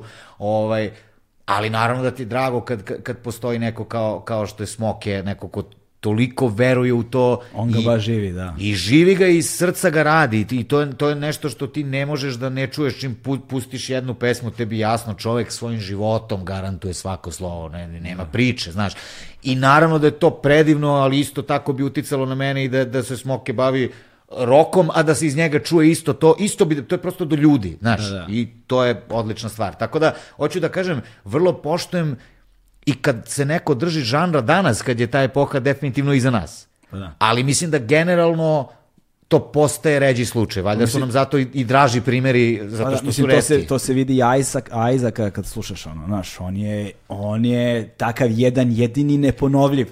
To je kalup Apsolutno. razbijen kad je on napravljen i gotovo. Tako je, razumeš, tako da? je. Znaš da još nije izašla pesma koju smo snimali kad smo ti i ja išli kod njega u Suboticu, ona stvar. Da, znam, on znam. i ja još i nije objavio. Moramo ga zovemo da ga pitamo da To i, i bile su još neke tu pesme, sad ne znam da li su oni izašle. Ovaj, Da, pušto nam je tada, pa da, Čavo uvek ima ono... bez busena i to, to je izašlo. Mislim da nije. Nije ni to, znači, da ima nije. tu nekoliko singlova, onda, e pa ništa, vidjet ćemo, razumeš, kada bude, kada bude, kako će to da bude. Hvalit ćemo se da smo čuli prvi. Dobro, ti si učestvovao u tome, tako da, bože moj. znaš. Da, da, na to jedno i da, da, i silno, silno nas je zabavila bar nas trojicu. E, ali s druge, s druge strane, ovaj, ono što e, negde kao moramo da dotaknemo, sad kako govorimo o toj angažovanosti, sad na stranu naš prozu tvoju, na stranu ono, muziku, uh, Dilana Doga, naš, ali zanima me šta podrazumeva uređivanje Dilana Doga, to je tema koju, evo, stavljamo sad fusnotu sa strane, kad smo već kod Ok. fusnota, ali ovaj, u jednom trenutku ti si se, ono, kroz, naš, kroz muziku si uvek bio vokalan u vezi sa temama koje su te zanimale i koje su te, ono, koje su ti bile važne, onda si u jednom trenutku negde istupio javno, ovaj, direktno politički, znaš, ono, od, ne znam, govora na protestima, preko, ne znam, znaš, podržavanja određenih političkih kandidata svoje vremeno koji su pokazivali nekakvu svetlu tačku, pa je to, o, pa se to izduvalo, ovaj, a, ali i sad tu opet, znaš, dolazi te, znaš, tu je sad teren javne osude vrlo sasvim drugačija životinja, znaš, s kojom imaš posla. Ovaj, I ono što je mene negde pogodilo jeste što recimo baš u vezi sa, uh, sa, sa, sa time, naš, pružati podršku nečemu što u tom trenutku veruješ, što se možda ispostavi kao loše sutra. Znaš, nekako ljudi to iskoriste kao priliku da upiru prstom u tebe, umesto da iskoriste kao priliku da kažu jebote neko je stao iza nečega u što je u tom trenutku verovao iskreno. Znaš, a, i svi su spremni nekako lako da osude, ali niko nije spreman da uradi to isto u životu. Znaš, da kao iskorači, skupi ono hrabrosti i kaže, evo ja mislim da je ovo sad važno, pa i po cenu da ne budem u pravu, ali kao iskreno verujem u to, ovaj, kao promislio sam, znaš, seo sam sam sa sobom, razmislio i podvuko crtu i doneo odluku jebi ga idemo jer mislim da treba da idemo Da. i niko ne preispituje znaš, težinu te odluke da se istupi u javni prostor na taj način. I ti si nekako od tada prilično učestalo u tom prostoru jer prosto nema dovoljno ljudi posebno ne, naš, generacijski posmatrano koji to rade na taj način i u toj sferi, znaš. I onda me zanima da, da li je ta odluka bila svesna, Uh, ako jeste, koliko je težak proces bio donošenja te odluke. Da. Znaš, i onda posle dalje nastavljanje bavljenja time i bivanja u javnom prostoru na taj način. To je ona vrsta odluke koja mora doći iz, iz stomaka. To je refleks. To je, to je Da samo da nije grčenje. Kucnete, ne, kucnete čekić u koleno i nije pitanje voljne radnje da li će da noga Da, da, da. poleti ili neće. A kad se dešavaju protesti recimo, a ti misliš da se dešavaju s razlogom, meni je potpuno neprirodno da ti sad danima sediš i važeš pa da li da idem, da li ne. Mislim, to ili je odavde ili ni, bar za mene. Ovaj, a, tako isto i sa tim, sa tim držanjem govora, tako je sa to- tom podrškom a, predsjedničkom kandidatu u 2017. godine. A, ja razumem zašto je ljudima tu teško da razdvoje stvari. Ja mogu ja da se, da se, da se vređam lično, ali u stvari nije lično. Iako je teško da razdvojiš kad neko priča tebi imenom i prezimenom, da u stvari nije lično. Ali suštinski nije ili je u jako malom broju slučajeva. Ljudi se ne obračunavaju s tobom, obračunavaju se sa nečim u što su apsolutno, nažalost, ubeđeni, s pravom ubeđeni, a to je da se ovde ne može, da se ovde ne veruje ni u šta. Ovde se sve radi iz koristi. Samo ne znaju koja je tačno tvoja. Da, da, Pa ih to još više nervira onda. A, biće nam potrebne godine da se, da, da, da se iščistimo od toga. Samo je stvar u tome što ja sve što radim, radim na duže staze. Da. Život je dug, ako je dug, ako je kratak, onda ćemo još pre da saznamo šta su rezultati. I ja u vezi s tim e, pitanjem, na primjer, što si to radio i šta si dobio, kažem ti, nismo mi, pa nismo mi političari, znaš, to je, mislim, ne- to je u stvari najbitnija stvar u celoj priči što me pitaš. Za nas će vrlo lako da se saznaje Gde mi to živimo, šta mi to vozimo, ako vozimo? Da, da, da. Šta mi to imamo? To Ako kao, imamo. Ako imamo. To si radio zbog fotelje, e, pre ili posle sešćeš u fotelju, nema problema, ja znam da neću, da. vi ne znate da li hoću, ja ću vam pokazati pa ćete na kraju da znate. Ali u vezi s tim jednom sam rekao, nije tačno, da, ja zapravo ovo radim zbog, zbog fotelje, ali zbog ove u kojoj sedim dok pišem, tu bih fotelju sačuvam zato što mi neko ne da slobodu da radim na miru. Da. I u ime te fotelje mora se na ulicu, mora se, nije baš ni fotelja, to je radna stolica sa radnim stolom, ali recimo, ovaj, Uh, I to je ono malo što smo, što smo kod olje pričali. Meni je sad puno srce sa ovim što se dešava, jer jedan sad već solidno veći broj ljudi počinje da shvata čemu se ovde radi, počinje da shvata, da, znaš, ako on ili ona izađu na ulicu sad, a nisu pre, onda im postaje jasno što si ti do sad bio tamo. Da, da. Samo je tek sad stiglo do njih. Da. Ali kažem, te stvari su na kraju dana proverljive. Što se to radilo, šta si ti dobio, šta si ti... Između svega ostalog, ja u tome vidim primjer za odgovornost. Jedna od devalviralih stvari u našoj zemlji je odgovornost. Da izađu ovi i kažu ti, ja sam odgovoran za to i to, a posledice nikakve. Pa te bre, ja tako mogu budem odgovoran za, za glad u Africi. Dođem, kažem, evo ja sam. Da. Šta su posebno? Ništa, super. Evo. Dakle, odgovornost je nešto drugo. Odgovornost znači spremnost na snošanje posledica za nešto što si uradio. A kome god se svidelo ili ne svidelo to šta smo mi to radili na protestima i što smo podržali nekog predsjedničkog kandidata, a posledice postoje. Meni jedan prijatelj s kojim se više ne družim rekao, vi treba se izvinite što ste podržavali Sašu Jankovića. Ja sam kazao, a kome da se izvinim? A ako je neko poslušao mene zato što mi veruje, što se kaže, ako mene lažu, ja lažem vas. Ja sam, nis, nisam ti rekao da radiš nešto u šta ja ne verujem, nego nešto u šta u tom trenutku na mrtvo ime mislim da je dobra ideja. Da. Pod A, ali pod B mnogo važnije. Svi ti ljudi snose posledice za to što su radili u obliku cenzure, u obliku zabrane da rade, u obliku, dakle, gole egzistencije. Mm.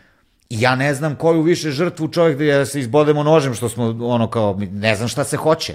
Da. A te posledice koje snosimo su takođe vrlo, vrlo javne i vrlo, vrlo proverljive. Ti neko, pazi, u ustavu svake zemlje, skoro sva, verovatno svake, pa i naše, ima ono kao, a, garantuje ti se pravo na rad.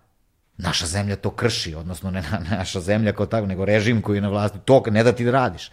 Dakle, a, utiče na tvoju egzistenciju i to vrlo nepovoljno. Čuo sam da ljudi kad nemaju para, onda nemaju šta da jedu, a kad nemaju šta da jedu, onda umru od gladi. Sad, taj proces nije baš tako kratak, da. ali bojim se da je namera nije daleko od toga, prosto ne dam ti da radiš pa se ti slikaj. Idi odavde, znači u najmanju ruku me teraš iz moje zemlje. Mm. A, tako da, da ne dužim previše, ja razumem zašto je ljudima to sumnjivo, zato što odavno nisu videli da iko išta radi iz ideala. Mm. I sad kažem, oni kao nešto sad zameraju tebi, u stvari da. se obračunavaju sa... Ili, ukoliko radiš iz ideala, onda te smatraju naivčinom, budalom, da. da, znaš, i onda nekako si uvijek na, na jednom ne, ne, ne, od dva ne, pola. Ali vidi, moramo da znamo samo jednu stvar, to se mnogo lakše podnosi. Ti ako misliš da sam ja budala što sam idealista, pa ti mi kaže budalo, nemoj da mi kažeš ti si plaćenik, izdenik i govno. To nisu iste stvari. Znaš, tome je stvar. Pa ti budalo jedna brideš tamo, pričaš po protestima, ono, zajebaće te. Gde ćeš? Da. To je drugo. Ali ovo je, znaš, ovde se, jer kad kažeš nekome da je budala, ti bar ne sumnjaš u njegovo poštenje, čast i dobru nameru. Da, da. Ima u tome razlika. O, tako da, eto, znaš, tu je, tu je, znaš, ali onda na kraju krajeva, e, znaš, na kraju krajeva sve ti se svodi na jedno. Kad pitaju gde vidiš sebe e, za deset godina, ja kažem u ogledalu, a da me nije sramota. Ima to i na albumu. To me jedino interesuje, pa da. da. To me jedino zanima. To je, mislim, sve drugo, pa ne, ne baš jedino. I, imam si i neke planove. Da ali se svi svode suma sumarum na to da je ideja da kad god se pogledaš u gledalu ti nije sramota. Kažeš da, ja znam što sam bio tu, znam što sam bio tu, nešto je upalilo, nešto nije upalilo, a iza, ali iza svega toga stojim a, celim bićem i dobrom namerom. Pa sad šta bude? Ovaj, e, tako nekako gledam i na ovo. Dakle, to što se ljudima činilo kao nekakvo mešanje u politiku, kako se to popularno zvalo, evo sad postaje jasno da smo sve vreme terali politiku i svoje avlije jer je ušla tu. Mm. Uš, uđe u biblioteku, uđe u pozorište, uđe u šta hoćeš, uđe. Uđe u kuću. Pa mi ovaj režim svrgavamo zato što nam se čovek useli u kuću, on je naš ukućanin. To nije normalno. Meni naj, na, najbolji komentar na aktualnog predsjednika bio je taksista me jedan vozio i sad ono na sva zvona buči protiv vlasti, buči u jednom trenutku kaže, u tom trenutku je aktualni predsjednik eh, postao otac, ovaj najnoviji put, i kaže taksista u toj salvi hejta učuti se i onda iz njega izleti kaže u ostalom evo dobio dete. Idi vidi dete moje kuti. Skini se s televizora već jednom. Onako najljudskije, mimo svega, da li te, da li te politički volim ili te ne volim. Čoveče, siđi s TV, si ti normalan, bre, ono, kao živiš na televizoru, na televiziji, a samim tim u televizorima svih nas. Tako da, da, mislim da ljudima na bolniji i sporiji način postaje jasno a, na šta se mislilo kad se onoliko pričalo o tome da je to građanska dužnost, da su te nisu to ni pobune, nego to prosto skretanje pažnje na stvari koje su nedopustive nepravde u društvu. Svi smo mi sedeli za stolovima da nam dobronamernici kažu, ne hejte, nego šta će ti to? Mm. Pa, a ti mu kažeš doći će i na tvoja vrata, burazeru ili sestro. I evo došle. Mm. Samo se o tome radi. Jeste, ovaj, to je sad ta čuvena, mislim da je uh, reč 2021. godine apolitičnost. to mislim da je kao reč koja će obeležiti barem, neće, no. možda, neće možda u rečniku ovaj, naš anglosaksonskih jelte zemalja, oni uvek imaju svoju neku reč, ali mislim da je ovde reč takozvana ta čuvena apolič, apolitičnost i zapravo bežanje od onoga što ona nosi, ali to je upravo ta pretpostavka pokvarenosti, da je politika nekakva kurva, razumeš? Tako je, to smo ono, isto pričali kod Olja. Znaš, da, da. da. I kao, kako sada, znaš, ti želiš da se skloniš iz te prljave igre, ne shvatajući da ona zapravo u potpunosti upravlja svojim životom. Ne, ne, znaš, to je, pazi, to je toliko sumanuto, da, da na primjer, aktualni režim kad hoće nekog da diskredituje, oni kažu, to je politika.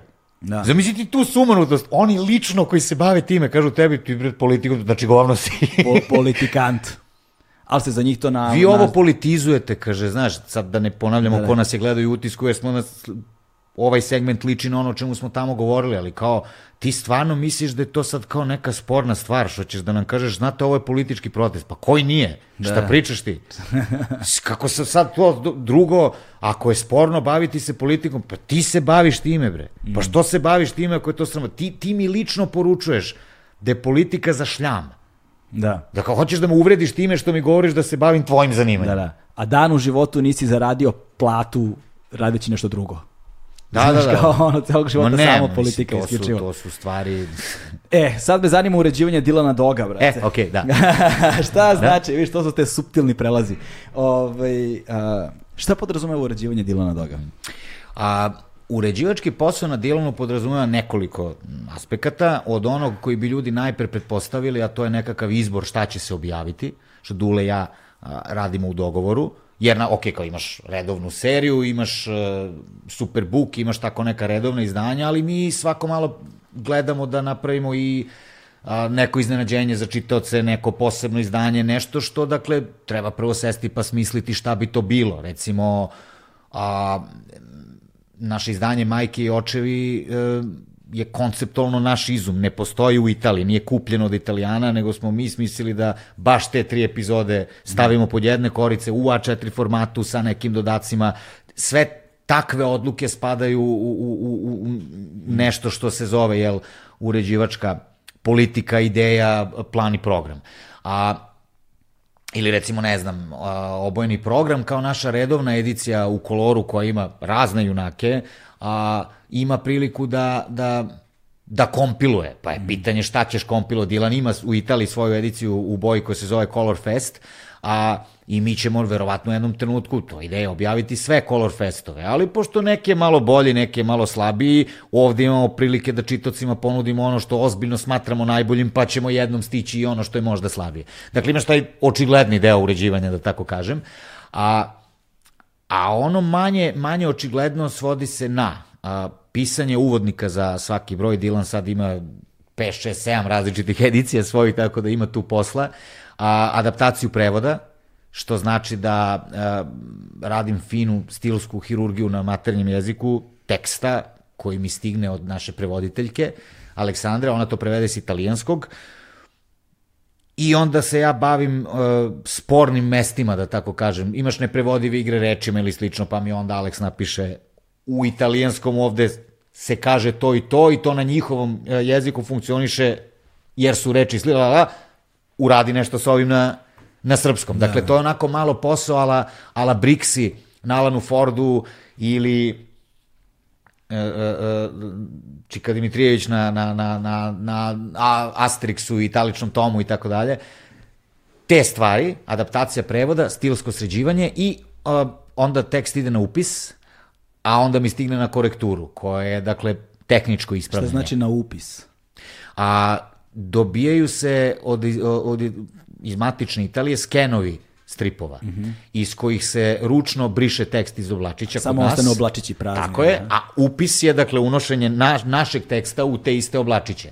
Pri čemu ga treba dobro centrirati, dobro prelomiti i tako dalje. Tako da je e, ta faza korekture u stvari prilika za dve stvari. Jedna je da se isprave tehničke greške koje nastanu samim upisom, a zapravo tri stvari. Druga, da se isprave greške u samom tekstu, gramatički ili slovne, koje nismo primetili do tada, a treća, poslednja šansa da samog sebe ispraviš u adaptaciji prevoda ukoliko imaš bolji sklop neke rečenice, mm. bolju ideju za neku repliku, naravno sve to mora da ostane u duhu originala, ali imaš malo i slobodnog prostora, kreativan je posao.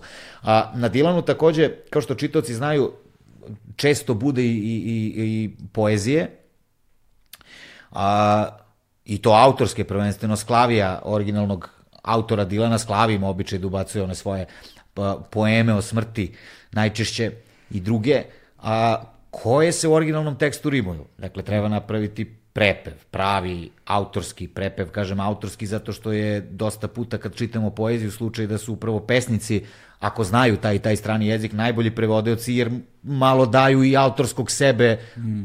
a sve na tragu originalnog autora kog prevode.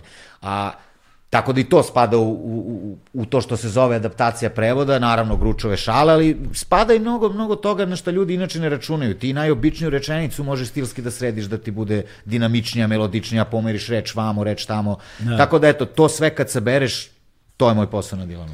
Da, tako sam ja završio s jednom uh, tetovažom ovaj, koja nema ovaj, prelom teksta kako treba u oblačiću, razumeš mu i baš ta uh, da. nesavršenost bila, bila, bila zanimljiva, razumeš? Jeste, i još imaš tetovažu Dilana u, u izvedbi Ugolina Kosua, koji je verovatno jedan od najslabijih crtača Dilana, ali kad sam ti video tetovažu, već sam ti video tetovažu, bilo je, bilo je kasno da ti kažem, kao galebe, Pa uzmi drugi crtež, a isti citat, majka. Ne, ne, ne, ovo je bila fora tu, znaš, ima semantiku tog konkretnog broja, znaš, tako da... Dobro, dobro, okay. Ali, ali okej. Okay. Ali nije Dilan, mislim, nego Gručo, ali bez obzira, znaš. A da, da, da, ali samo sam zapamtio da je, da je kosu crtač sigurno. Da, to... da, da, da, da, da, to, znaš, to sad... Ali to je sad za die hard fanove, znaš, ja nisam baš toliko die hard, da, meni je nekako naravno. Dilan više sentiment, odnosno tog nekog vremena naš iz detinstva, mm. koji je za razliku od brojnih drugih sentimenata kojima ne možeš da se vratiš i da evociraju to identično osjećanje mladosti, on ostao. Ako čitaš stare epizode. pa znaš kako, meni je, meni je i sa novim, znaš, ume nekad da bude malo, znaš, sa ovim godinom i sa ovom zrelošću umeju stvari da budu nekad banalne. Ma da, pa Znaš, jer, jer u stripu je to negde valjda neizbežno, znaš, u samoj mm. njegovoj formi ovaj, preneti toliko stvari u tako kratkom, znaš. Ma i u krajnjoj liniji Dilan postoji 35 godina, dakle, da. tu sada bez nekih ozbiljno hrabrih onako ala preko okeanskih odluka, mm. razni neki ributovi ovako onako, manje više i naravno sveža autorska krva, ali istinski autorska, dakle ne samo novi scenaristi kao novi scenaristi, nego neko ko zapravo ima autorsku ideju, kao mm. recimo Alessandro Bilota, koji je meni trenutno najzanimljiviji, on ti radi ovaj kao spin-off uh, Planeta mrtvih.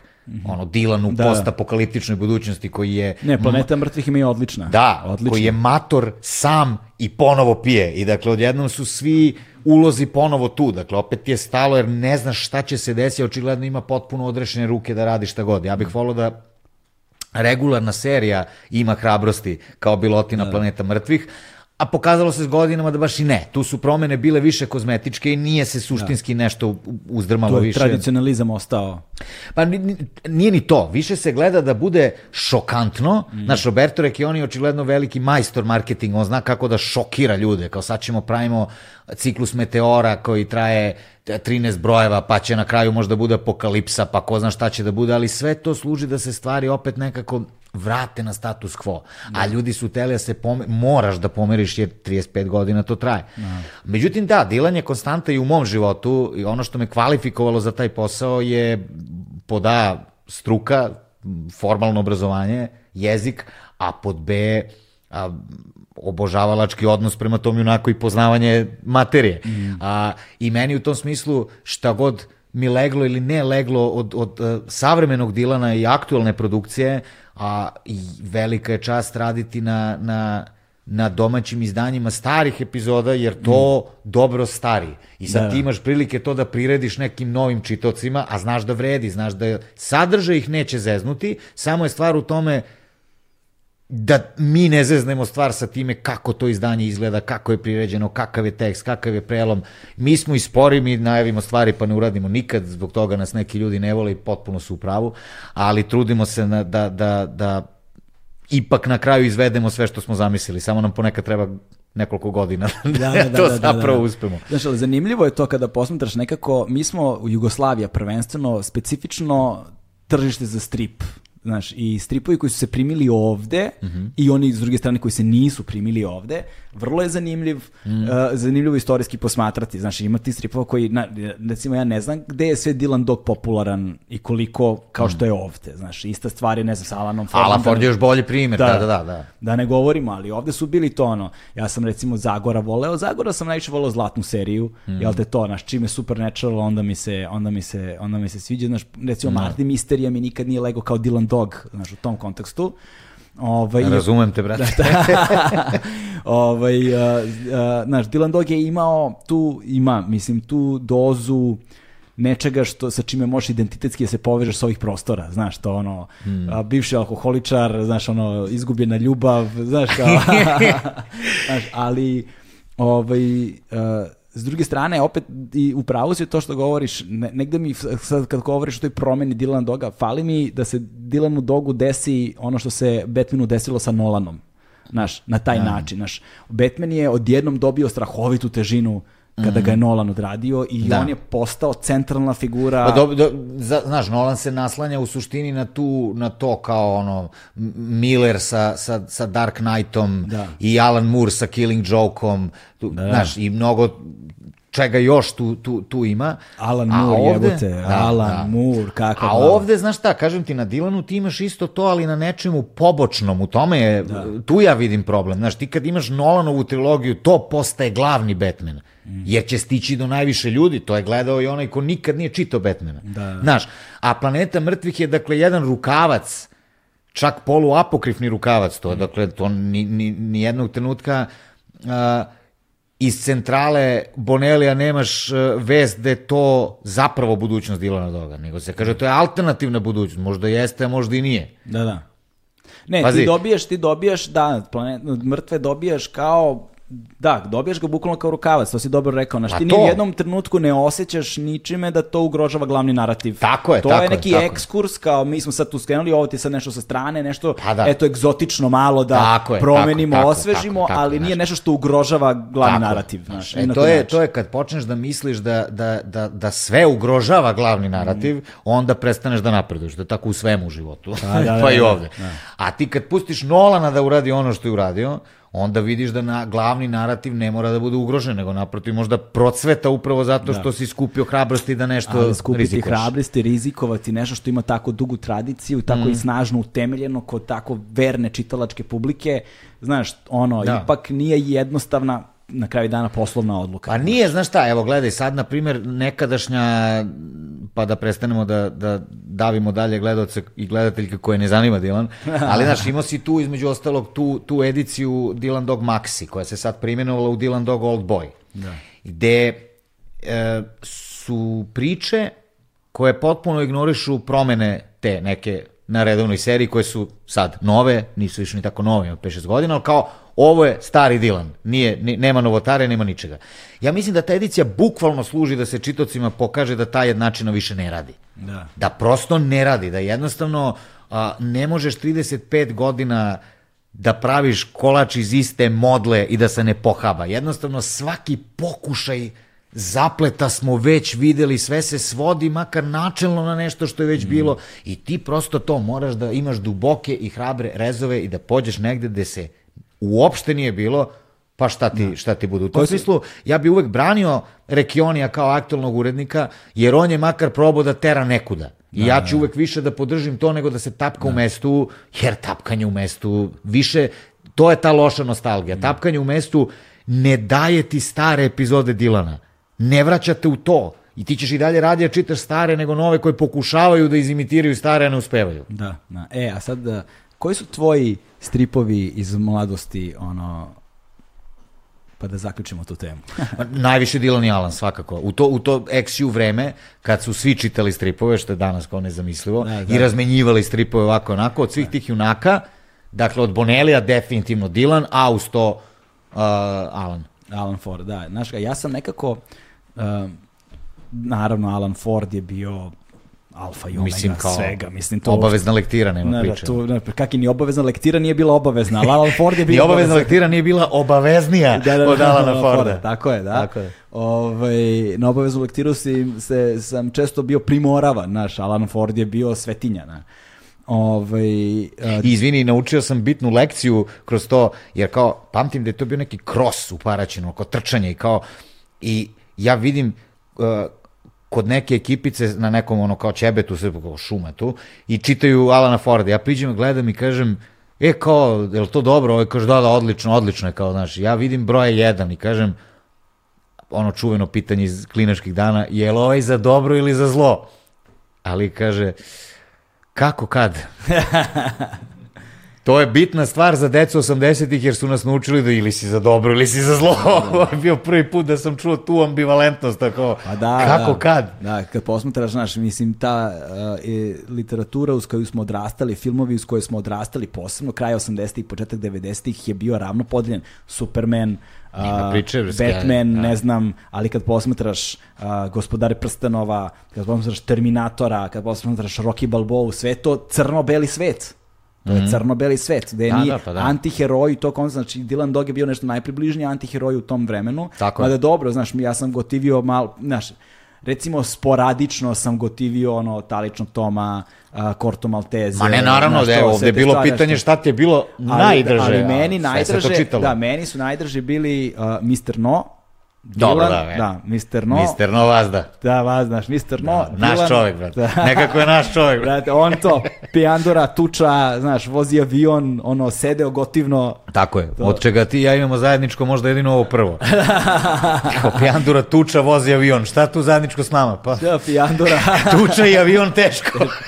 ovaj, Onda, a, a, šta je bilo, ja sad sam strašno, volao sam avanture Tintina, sam mnogo voleo, da, to da, da, mi je bilo i volao sam Mandraka, mađioničara. Ali, Kako ne? Znaš, ali to je uglavnom bilo onim tvrdim, gde, znaš, oni, de, tvrdi povez, da, to i Phantom, ono, fantom, kao da, je Flash Gordon. I to ono, nismo to. imali para za to, razumeš? Flash Gordon sam volao film, znaš, nisam, ono, nije bio baš ovaj, strip, ali tu sam zakačio se tu i tamo svašta po nešto, znaš, u politikinom zabavniku Hogar strašni, ono, i tako. Onoliko, naravno. Onoliko, znaš, ja sam skoro pročitao nešto i dalje je genijalan je, Znaš, i dalje je genijalan, i dalje je dobar, ovaj, tako da, uh, čudno, čudno je kako je ta strip kultura uh, na neki čudan način je ostala živa. Mm. Znaš, znaš, ja danas ne znam toliko puno klinaca, sad nisam, ne dolazim iz tog sveta, jel te, pa nisam, nisam svestan, ali vidim da postoji I ne znam na što se tačno oslanja, znaš, gde postoji. crpi, kako izvlači, ne, nejasno mi je. Razumiješ? Moram ti reći da postoji. Ovaj, neki dan sam u ovoj uh, Laguninoj knjižari u, u Knez Mihajlovoj, koja ima čitav sprat, ono, gikovski, jel? Da. Ovaj, otišao sam po nešto i prisustvovao sceni gde, gde baš klinci, mislim da su osnovna škola, vrlo znalački pričaju dok biraju stripove, a u ostalom mi e, kao redakcija, kao Veseli četvrtak smo uvek na, na sajmu knjiga. Mm. I budeš tamo osam dana i onda vidiš raznu klijentelu, imaš prilike da vidiš. A, fascinantno koliko klinaca prilazi, I, ali ja što prilazi, nego kako, šta pričati, tu sad stojiš pored pa čuješ i šta pričaju. Znaju, da. i razmenjuju epizode. Naravno, to nije ni približno kao kad smo mi bili klinci da je zaista svako čitao. Da, da. Ali je mnogo, mnogo uh, pozitivnije i nadežnije nego naše crne slutnje kad bismo pričali na pamet. Dakle, mm. situacija stoji mnogo bolje. Nije da skačemo od sreće, nije za dižemo šator za ura ura, ali je daleko od, od, od, od crnog. Da, da. I još jednu stvar samo pomenem, a, najbolji strip a, koji sam pročitao poslednjih ne znam, deset godina recimo, baš onako naš hrabar statement i ovaj ovde iza, ne znam da ga vidiš, Ibikus se zove, Besna Kobila ga je objavila, ogroman tvrdi povez, da vidiš da je autobus žuti. Da. I iza njega Ibikus. Vidiš, kroz znak policija. A, rabate, e, ja da. veliki sam njegov obožavalac, a ovo konkretno nisam, šta ću da se prozim kroz to, jer mi kabel, do, do toga, jer mi kabel dozvoljava. Pazi, to stoji pored Karakaša, kako dobro društvo. ovaj, da, da. taj da. crtež, taj strip, to mm. adaptacija, roman, to je tako dobro. Ovaj još nisam ukačio, a Rabate inače mi je mm. vrlo zanimljivo. I to izdanje je odlično, i povez, mm. i stranice, i sve je u vezi sa time tako dobro. Ja sam, mislim, skupo je malo izdanje, ali znaš, ako voliš, to je... Besna baš... Kobila to super radi, a što se izdanja tiče, da, uh, pa to je zanimljivo, stripaši su dočekali zapravo svoje zlatno doba. Nekom stvarno jeste zlatno doba, to stripaši. A izdavaštvo Cveta, Loša strana toga je samo to što to više odavno ničiji novčanik ne može da isprati. Da, da, da. Ali, kako ti kažem, ja mnogo vol, više volim da ima, a da ja ne mogu da ga kupim odmah, pa ću da uštedim pa ću da ga kupim, nego da nema, jer mi smo da. po, posle tog a, prvog zlatnog doba iz našeg detinjstva, kao mogo si mikrofona, ne celog sebe. Da, da. A, posle tog zlatnog doba iz našeg detinjstva nastupile su a, sankcije i potpuni ono kao hijat i vakum, a mnogo ko se nikad nije ni, ni nastavio mm. na ono što ga je zanimalo pre. Znaš, za većinu ljudi to kao strip je ono nešto iz 80-ih, rok je bijelo dugme, ni, kao ništa se nije desilo posle toga, ne, znaš, sankcije umeju za neke Pastirski stvari... Pastirski rok. Da, da, da. Umeju da naprave sankcije nekad uh, daleko bilo ružno da se kaže, ali za neke stvari dublju štetu nego rat, jer posle rata makar postoji taj snažni entuzijazam da ga moramo da izgradimo ponovo, sve je srušeno. A sankcije su samo tako jedan rez koji ostaje rez i mnogo šta uopšte više ne može da da privučeš, da spojiš na, na, na ono što je bilo. Tako je sa stripom, on više nije, dakle, masovna stvar, stvar za masovnu publiku, ali svi ti klinci koji su to mnogo voleli, uh, neke od njih stasali su izdavače voljne da prirede drugima i sebi izdanja o kakvima su od uvek sanjali. Da, da, e, da. to je sad ludilo, znaš. Ponuda je sjajna, samo kažem, ne, niko nema para da isprati. Ja, ja zaista pamtim vremena, e, tad, s početka našeg druženja, kad je jedan strip obožavalac mogao da isprati celo strip izdavaštvo na Exiju. Na ne. mesečnom nivou, sa nekim vrlo prosječnim primanjem ili manjim od prosječnih, ono, sa, sa, sa studentskim džeparcem, ako si štedeo, da. mo, znaš, I samo odjednom je krenulo, krenulo si prvo, kao, ok, za ovo izdanje sad baš nemam para, ovo već izašlo još tri, da, da bi sad to otišlo. Ali kažem, bolje da ima, pa da možeš da biraš da, nego da nema. Za mene prelomni trenutak bio kada su počeli da se pojavljuju ono američki stripovi i drugi stripovi na onim masnim papirima u full koloru, znaš to sa cenama, ono 50 evra strip, razumeš, od, na, i, i, kao, mm. i gledaš ga i želiš ga, znaš, da. ali kao Znaš, ono, ti, ti sad odeš u, u, u, gde je to, da li je to, šta je to, Delfi, Laguna, nemam pojma tamo, recimo DSKC, na primjer, odeš i da. onda odeš tamo gde su stripovi. Ili odeš ima... u striparnicu u Darkwood ili u Alan Ford. Pa to, znaš, i kao odeš u striparnicu i ti kad vidiš tamo, ne znaš, to je kao kad odeš u restoran sa onim jelovnicima gde ima tona hrane, pa ne znaš šta da izabereš. Da. Znaš, a onda ne znaš odakle da počneš. Pa ja, ovo mi deluje jako dobro, ali odakle da počnem? Pa, ali kao broj... i u restoranu, dosta pomaže ako imaš samo 1000 dinara kod sebe. To će, to će prilično ti pomogne u izboru ovaj. da. ali odakle, ali opet tu onda najlazimo, to se dešavalo sa muzikom u to vreme. Znaš, ti kada, kada su ljudi kupovali muziku, sećaš se nekada se to dešavalo. Ovaj, davali su pari za svaku pesmu koju su slušali ovaj, ti imaš neku kintu kod sebe koja je skromna, jel te, u najboljem slučaju. I dođeš ispred SKC-a ili gde god da se kupovala muzika, ono, odakle god da su ljudi kupovali svoju muziku. Ti imaš para za jedan album. Znaš, za jednu kasetu, jedan CD ili ploču, ako si, naš, ono, mogao da dođeš do ploče u to vreme. Mm. Ovaj, I šta ćeš da kupiš?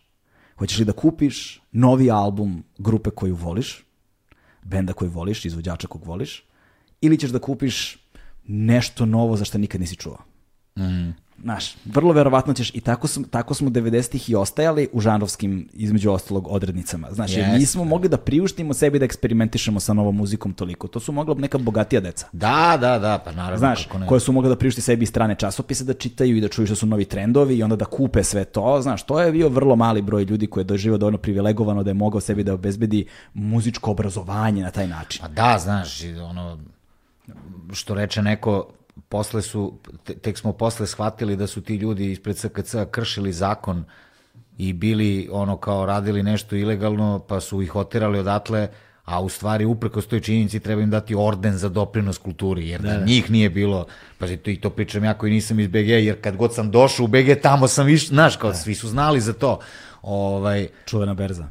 Da, da znaš šta, pa, uh, uh, to, to je u suštini mučenje bilo na neki način, ali je imalo magiju koja se sad izgubila, neću reći ništa novo s tim, to svi znamo da prosto a, čega je manje više vredi. Jel? Mm. I tad je svega bilo manje i do svega si dolazio s nekom mukom, s nekim trudom i do stripa i do knjige i do diska i do ploče i do kasete i onda si toliko poštovo taj uloženi trud. Uloženi trud i taj taj predmet na, na, u koji je utisnuta ta umetnost za kojom ti žudiš toliko, da.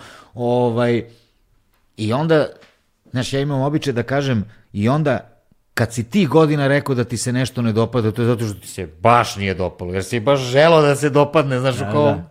nemoguće da ne valja, mučio sam A se da mogao da si, ali pošto si bio takav zaluđenik, mogao si da argumentuješ do pojedinosti, ono, neverovatnih da. pojedinosti zašto ti se ne da, dopada. Da, zato znaš. što si slušao 200 puta ili čito da kao nemoguće. Do izlizavanja.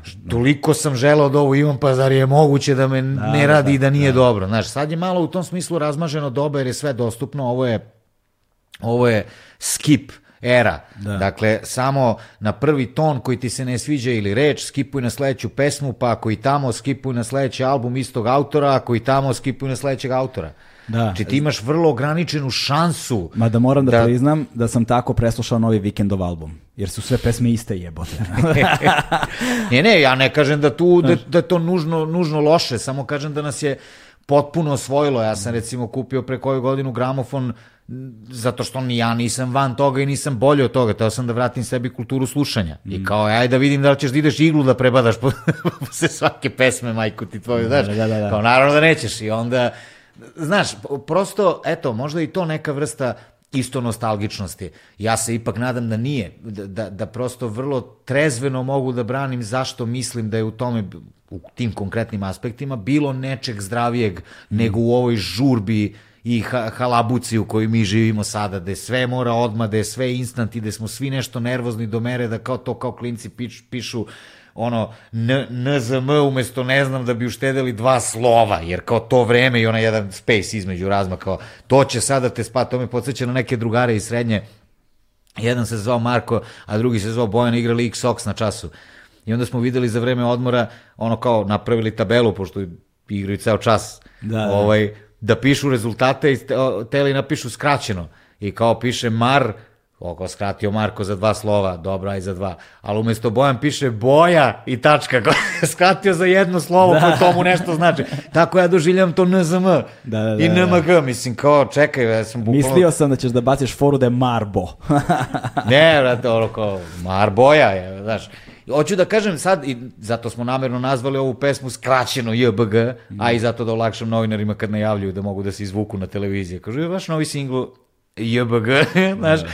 Ali pokušavam da kažem da zapravo ne mogu da shvatim da nam je užurbanost toliko ušla u krvno zrnce, ono kao da mi stvarno mislimo da ćemo nekuda da stignemo i nešto da postignemo ako izbacimo dva slova iz reči, jer smo za Boga toliko nestrpljivi ko, koji da kuca celu reč do kraja, mislim, da. daj, ono. A malo je, kažemo, opet i duh vremena. Ne, ne, ja sve vreme nije, pričam o duhu da, vremena, to je... Nije, da nije stvar u tome da uštediš nešto, nego nije cool pisati tako. Znaš, ja sam provalio da, da pošto kad šaljem poruke, i to ljudi koji me znaju, znaju kako ja pišem poruke, i onda su u fazonu, Galebe, kada staviš tačku na kraj rečenice, ti više nisi pismen, nego pasivno agresivan. Znaš, to je za mene bila ono, to je sad jedna promena gde odjednom pismenost dobija drugačiju, znaš, ti kada se samo pismeno obratiš tekstualnom porukom, ti daješ jednu dozu formalnosti koja da. ljude zastrašuje i misle da si sad ti nešto ljut. Da. Znaš, kao sam, čovječe, da li je moguće, znaš, nego ti moraš da staviš smiley, znaš, da bi, da bi, da bi e, ljudima stavio do znanja da je tvoja namera ne znam, dobra ili tako nešto. Znaš, to je, a to je negde u prozi, mislim, znaš i sam, verovatno, kao ono definicija lošeg dijaloškog teksta.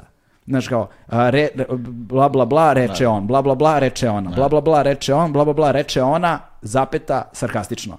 Znaš da, kao, da, znaš kao, da. u prevodu, glupi čitaoče, ukoliko nisi razumeo sarkazam iz dijaloga Tako samog, je. da ti ja dopunim značenje. Da, da. Ne znam, meni je to čudno, ja se vrlo držim toga i u neformalnoj komunikaciji koliko god mogu, ne kažem da, da, da, znaš, da, da ne koristim neke, ne, ono, i ja ću nekad da pričam onako kako govorim u smislu žargona ili dijalekta, namerno izezanja, ali držim do interpunkcije. Meni je, meni je, međutim, to za tačkom iznenađuje, meni je najveći uh, interpunkcijski teror koji ljudi sprovode su tri tačke, koje se ponekad pretvore i u dve, opet da, da bi skratili. I u sedam, šest, pet tačaka. to je, ja ne znam kako, ja sam se više puta pitao šta ljudi hoće da mi kažu ovim Jer ja, ja sam ono kao osetljiv na reči i na interpunkciju, to je moj posao. Meni kad neko napiše vidimo se sutra tri tačke, ja sam na foru, kako se ovo čita? Se ovo čita, vidimo se sutra, Znaš kao, Znaš, to je... šta, je, šta je primisao u tišini koja sledi? Zašto ne napišeš vidimo se sutra tačka ili znak uzvika? Šta znači vidimo se sutra Ja ne volim, tačke? ja ne volim uskličnike, Znaš. uskličnike ne volim, posebno kad ih je više. Jer da, izvini ne... da ti ne pričam kako tek zvuči kad ti napiše svako dobro tri tačke. Bro, želim ti sve najbolje. Znaš, znaš da to posjeća? To posjeća na onu foru kad smo bili klinci, sećaš se, ne znam da li se sećaš da li si ti tu doživeo, ali mi koji nismo bili popularni, to su nam radili s vremena na vreme, ovaj, pozovu te telefonom, znaš, i kao, hej, dođi kod mene, kući nema, ne, neće biti nikoga, znaš, kao, i ti dođeš kod njega i nikog nema kod kuće. e, to Nije je, stiglo do Paraćina, ali odlično fora. Znaš, kao, to je, to je, ovaj, to je, mislim da podsjeća, vidimo se sutra, ono, te tri tačke, znaš, nekada dve. da, da, da, da, kažem ti, ili to kao sve najbolje ti želim tri tačke, si na foru, pa jel mi želiš stvarno ili da, šta? Da. znaš kao. Tako da, znaš, to je sad, znaš, sa tim smajlima i s tim emotikonima i negde, ovaj, sad, znaš, s druge strane, ja nekad imam dilemu da li je to vraćanje na ono hieroglife, razumeš, da li je kao to sada naš unazađivanje jezika mm. i sad ponovo komuniciramo piktogramima, mm. znaš, ili je možda unapređenje jezika zato što sada kao kroz neki, znaš, ja sam dobio poruke u kojima imaš ono niz samo emotikona i ja znam šta je napisano i mene ja ne, da, da, ne znam ne znam da li da budem užasnut ili oduševljen u isto da. vreme da. znaš ali ne, nekako zanimljivo je nije nije naš ja znaš, bi i dobija svoju formu znaš dobija Tako svoju je. formu ali problem je u tome što čini mi se da ta forma ide na uštrb a, pismenosti e, ka, ide prije... sigurno to se vidi e sad opet s druge strane znaš ja naravno struka nalaže, esnaf nalaže da moram da branim jezik, da, da. ali mislim da prosto treba razumeti da emotikoni ovde rade nešto drugo. Nije to pitanje jezika, nego je pitanje ove brzine u kojoj živimo mm. i svega što smo sad da, rekli, da. da nešto fali toj komunikaciji očigledno, da, koji smo da. svi skloni, svi kuckamo po ceo dan, a to i dalje nije razgovor uživo. Ti i dalje nisi siguran,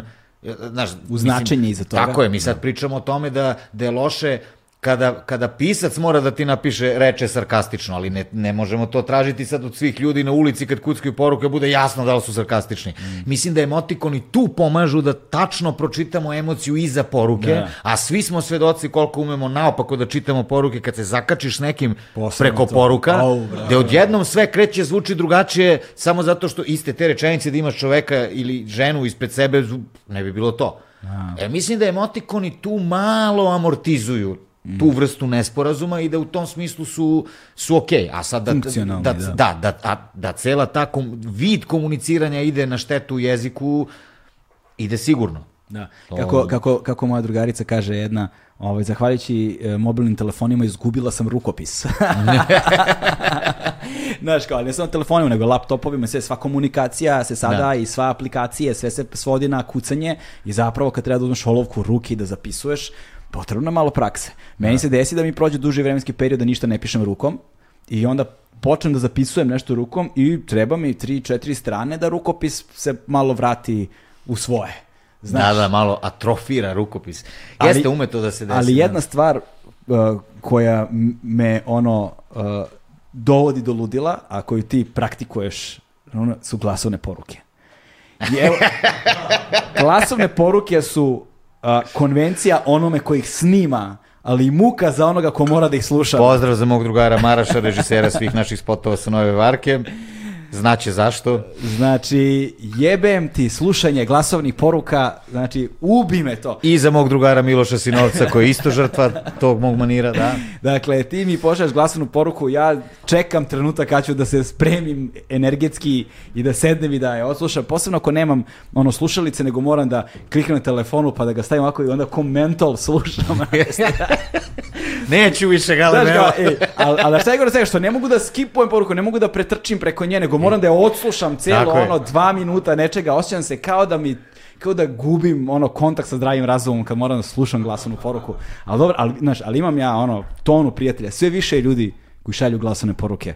Ja, znači, ne mogu da... Ne, ja zapravo iskreno gledam da ne. To je samo kad žurim i kad baš ne stižem da kuc, kuckam i osjetim da je praktičnije. Da I kao tad, ali razumem i mene da. isto, ja volim da ih šaljem, a ne volim da ih slušam. Jo, ali svi tako počnu, znaš, iz nekog da. praktičnog razloga, znaš, tako je moj drug, ne, ja, brate, kao vozim pa mi lakše, dok vozim pa mi, slušaj, brate, više ću da cenim da mi poruka stigne kasnije, jer si stao negde i tom prilikom otkucao, znaš, ako je nešto hitno, zovem, No. Znaš, ako nešto hitno zovem, ako nije hitno, nemoj da mi šalješ glasovnu poruku.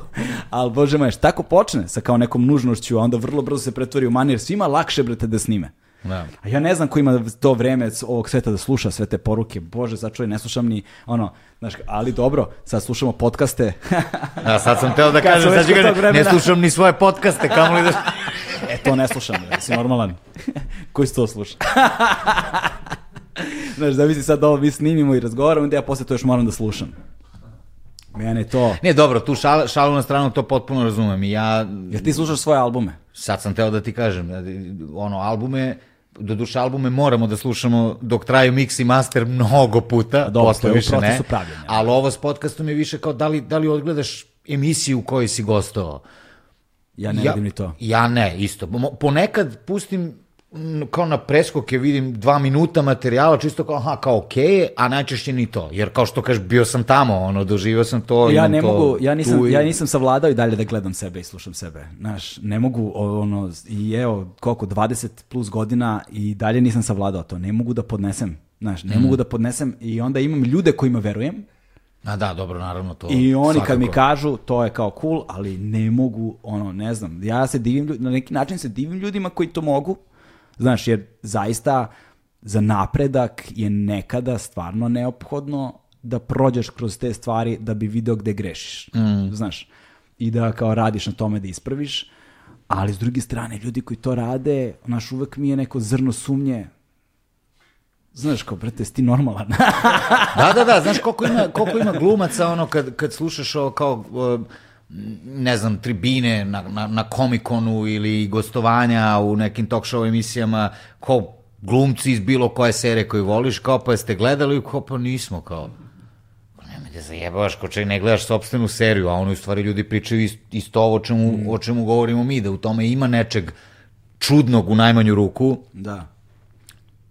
pa i neprijatno čudnog. Da. Tako da, ali da, mislim da nije, nije loše ponekad, čisto da bi čovjek bio suočen s tim što kažeš ti da bi nešto mogo da vidi, da popravi, da kao... Znaš, kao možda se Miroslav Ilić oblizuje zato što nikad nije pogledao svoj nastup, ono, kao, kao ne zna, nikomu nije rekao. da, da, da, da. lupam, da, da. lupam primjer sad, znaš. Tako da, ko zna, vredi A- pomalo, ali vrlo dozirano. Ali nekada to postane trademark pa ljudi namerno forsiraju zato što to bude fora, znaš, ali bože moj. U svakom slučaju, da privodimo polako razgovor o kraju, uh, album je gotov, uh, napravio je hit, to mi je, ono, baš mi je drago, zato što mislim da je, Hvala pored mnogo. toga, pored toga što je zreo i što je kvalitetan, slojevit, mislim da je i važan negde u ovom trenutku. Važno je da umetnost i kultura korespondiraju sa vremenom u kojem živimo. Ne, ne viđamo puno toga toliko često, posebno nešto što probija tako širi, do šireg broja ljudi, onda mislim da je zbog toga veoma važan.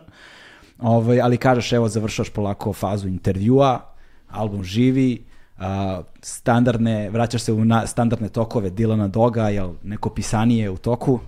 Pa e, tu je Dilan, tu je kolumnisanje za danas. E, da, to si skoro počeo. Tako je. Pa tek je prvo izašlo, da. Da. Pozvao me Draža lično, što mi je izuzetna čast. I idemo da vidimo šta će ova godina da donese. A Da, treba- da kažemo samo ljudima, ovo snimamo pre re, referenduma, odnosno glasanja za referendum ili protiv.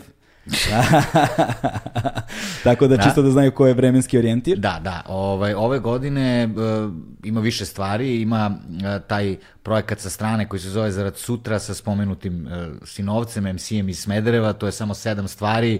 Onako old schoolerski, to nam je sportski, nostalgično. O, Sinovac je old schooler. Ovaj, da. A, to ćemo da, to smo počeli prošle godine i, I završit ćemo... Smederevo, brate. Moje, nek, moji najbolji prijatelji neki su iz Smedereva, ono, Apsolutno. duga istorija sa Smederevom, obožavam taj grad. Apsolutno i ja.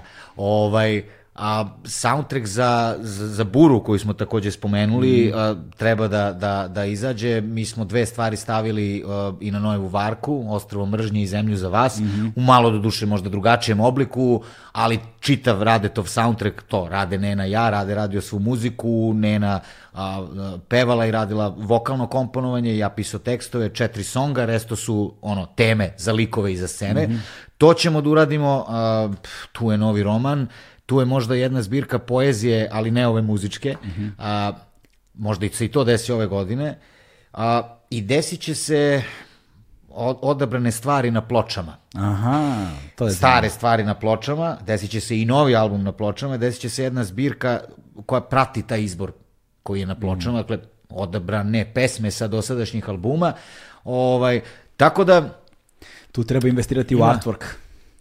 Treba Znaš, to Treba. treba u artwork, znaš, to je ipak kolekcionarska stvar. Treba, da, da, da, zato nam i treba vremena, dao Bog, mi smo brzi kao što naša publika zna, tako da... A pritom kad smo već kod toga, evo za kraj samo još malo o albumu, ovaj Zemlja za nas a, je kad smo već kad već govorimo tim- Ne, ovo je zemlja za vas. Za vas, pardon, Zemlja za vas, o tim stilsko-tipološkim odrednicama a, unutar samog albuma, kad govorimo o tom hip-hopu, ne hip-hopu, to je jedna stvar na albumu koja je, znaš, van celog konteksta bilo čega što možemo nazovemo hip-hop u tom trenutku, znaš kao. Da, da. Znači to pevanje, Nema nikakvu MC strofu, da, da, da. Nema nikakvu- Nene i ja pevamo dvoglas. da, To je kako to. ti ide pevanje? Odlično kad je tu Nena, zato Da, da. što kao...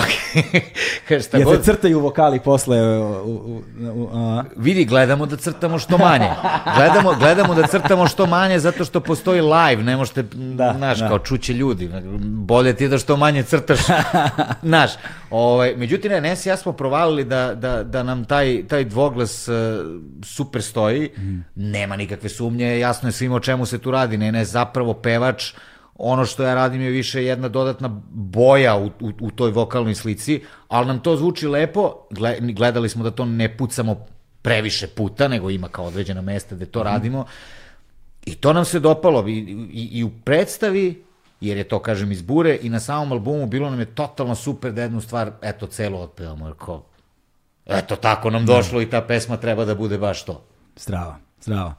To je to, stigli smo do kraja, Kućo. Hvala ti puno. Kućo, hvala tebi Da, mnogo, ovaj, zadovoljstvo. I pominješ kuću u, na albumu jednom, tako imaš ne, negde tekstu. Da, da, to je moja najava da ću dođem kod tebe, kod kuće se zove poslednja Da, pesma. da. to, to znači doći ću kod Galebu Tako je, podcast kad izađe album. Tako je, brate. Pa ja, hej, čoveče, znaš, toke godine se znamo, why not? Tako ću da primim ja to, sad šta će drugi da misle, neka misle šta tako hoće. Tako ćemo da pričamo drugima, naravno. Tako je. Hvala ti puno još jednom, uh, sve najbolje jel te, u ovoj godini i u svim budućim godinama koje su pred tobom uh, i to je to, stigli smo do kraja. Hvala ti mnogo na prilici, pozdrav tvojim to. gledocima i gledateljkama. Ćao. Ćao.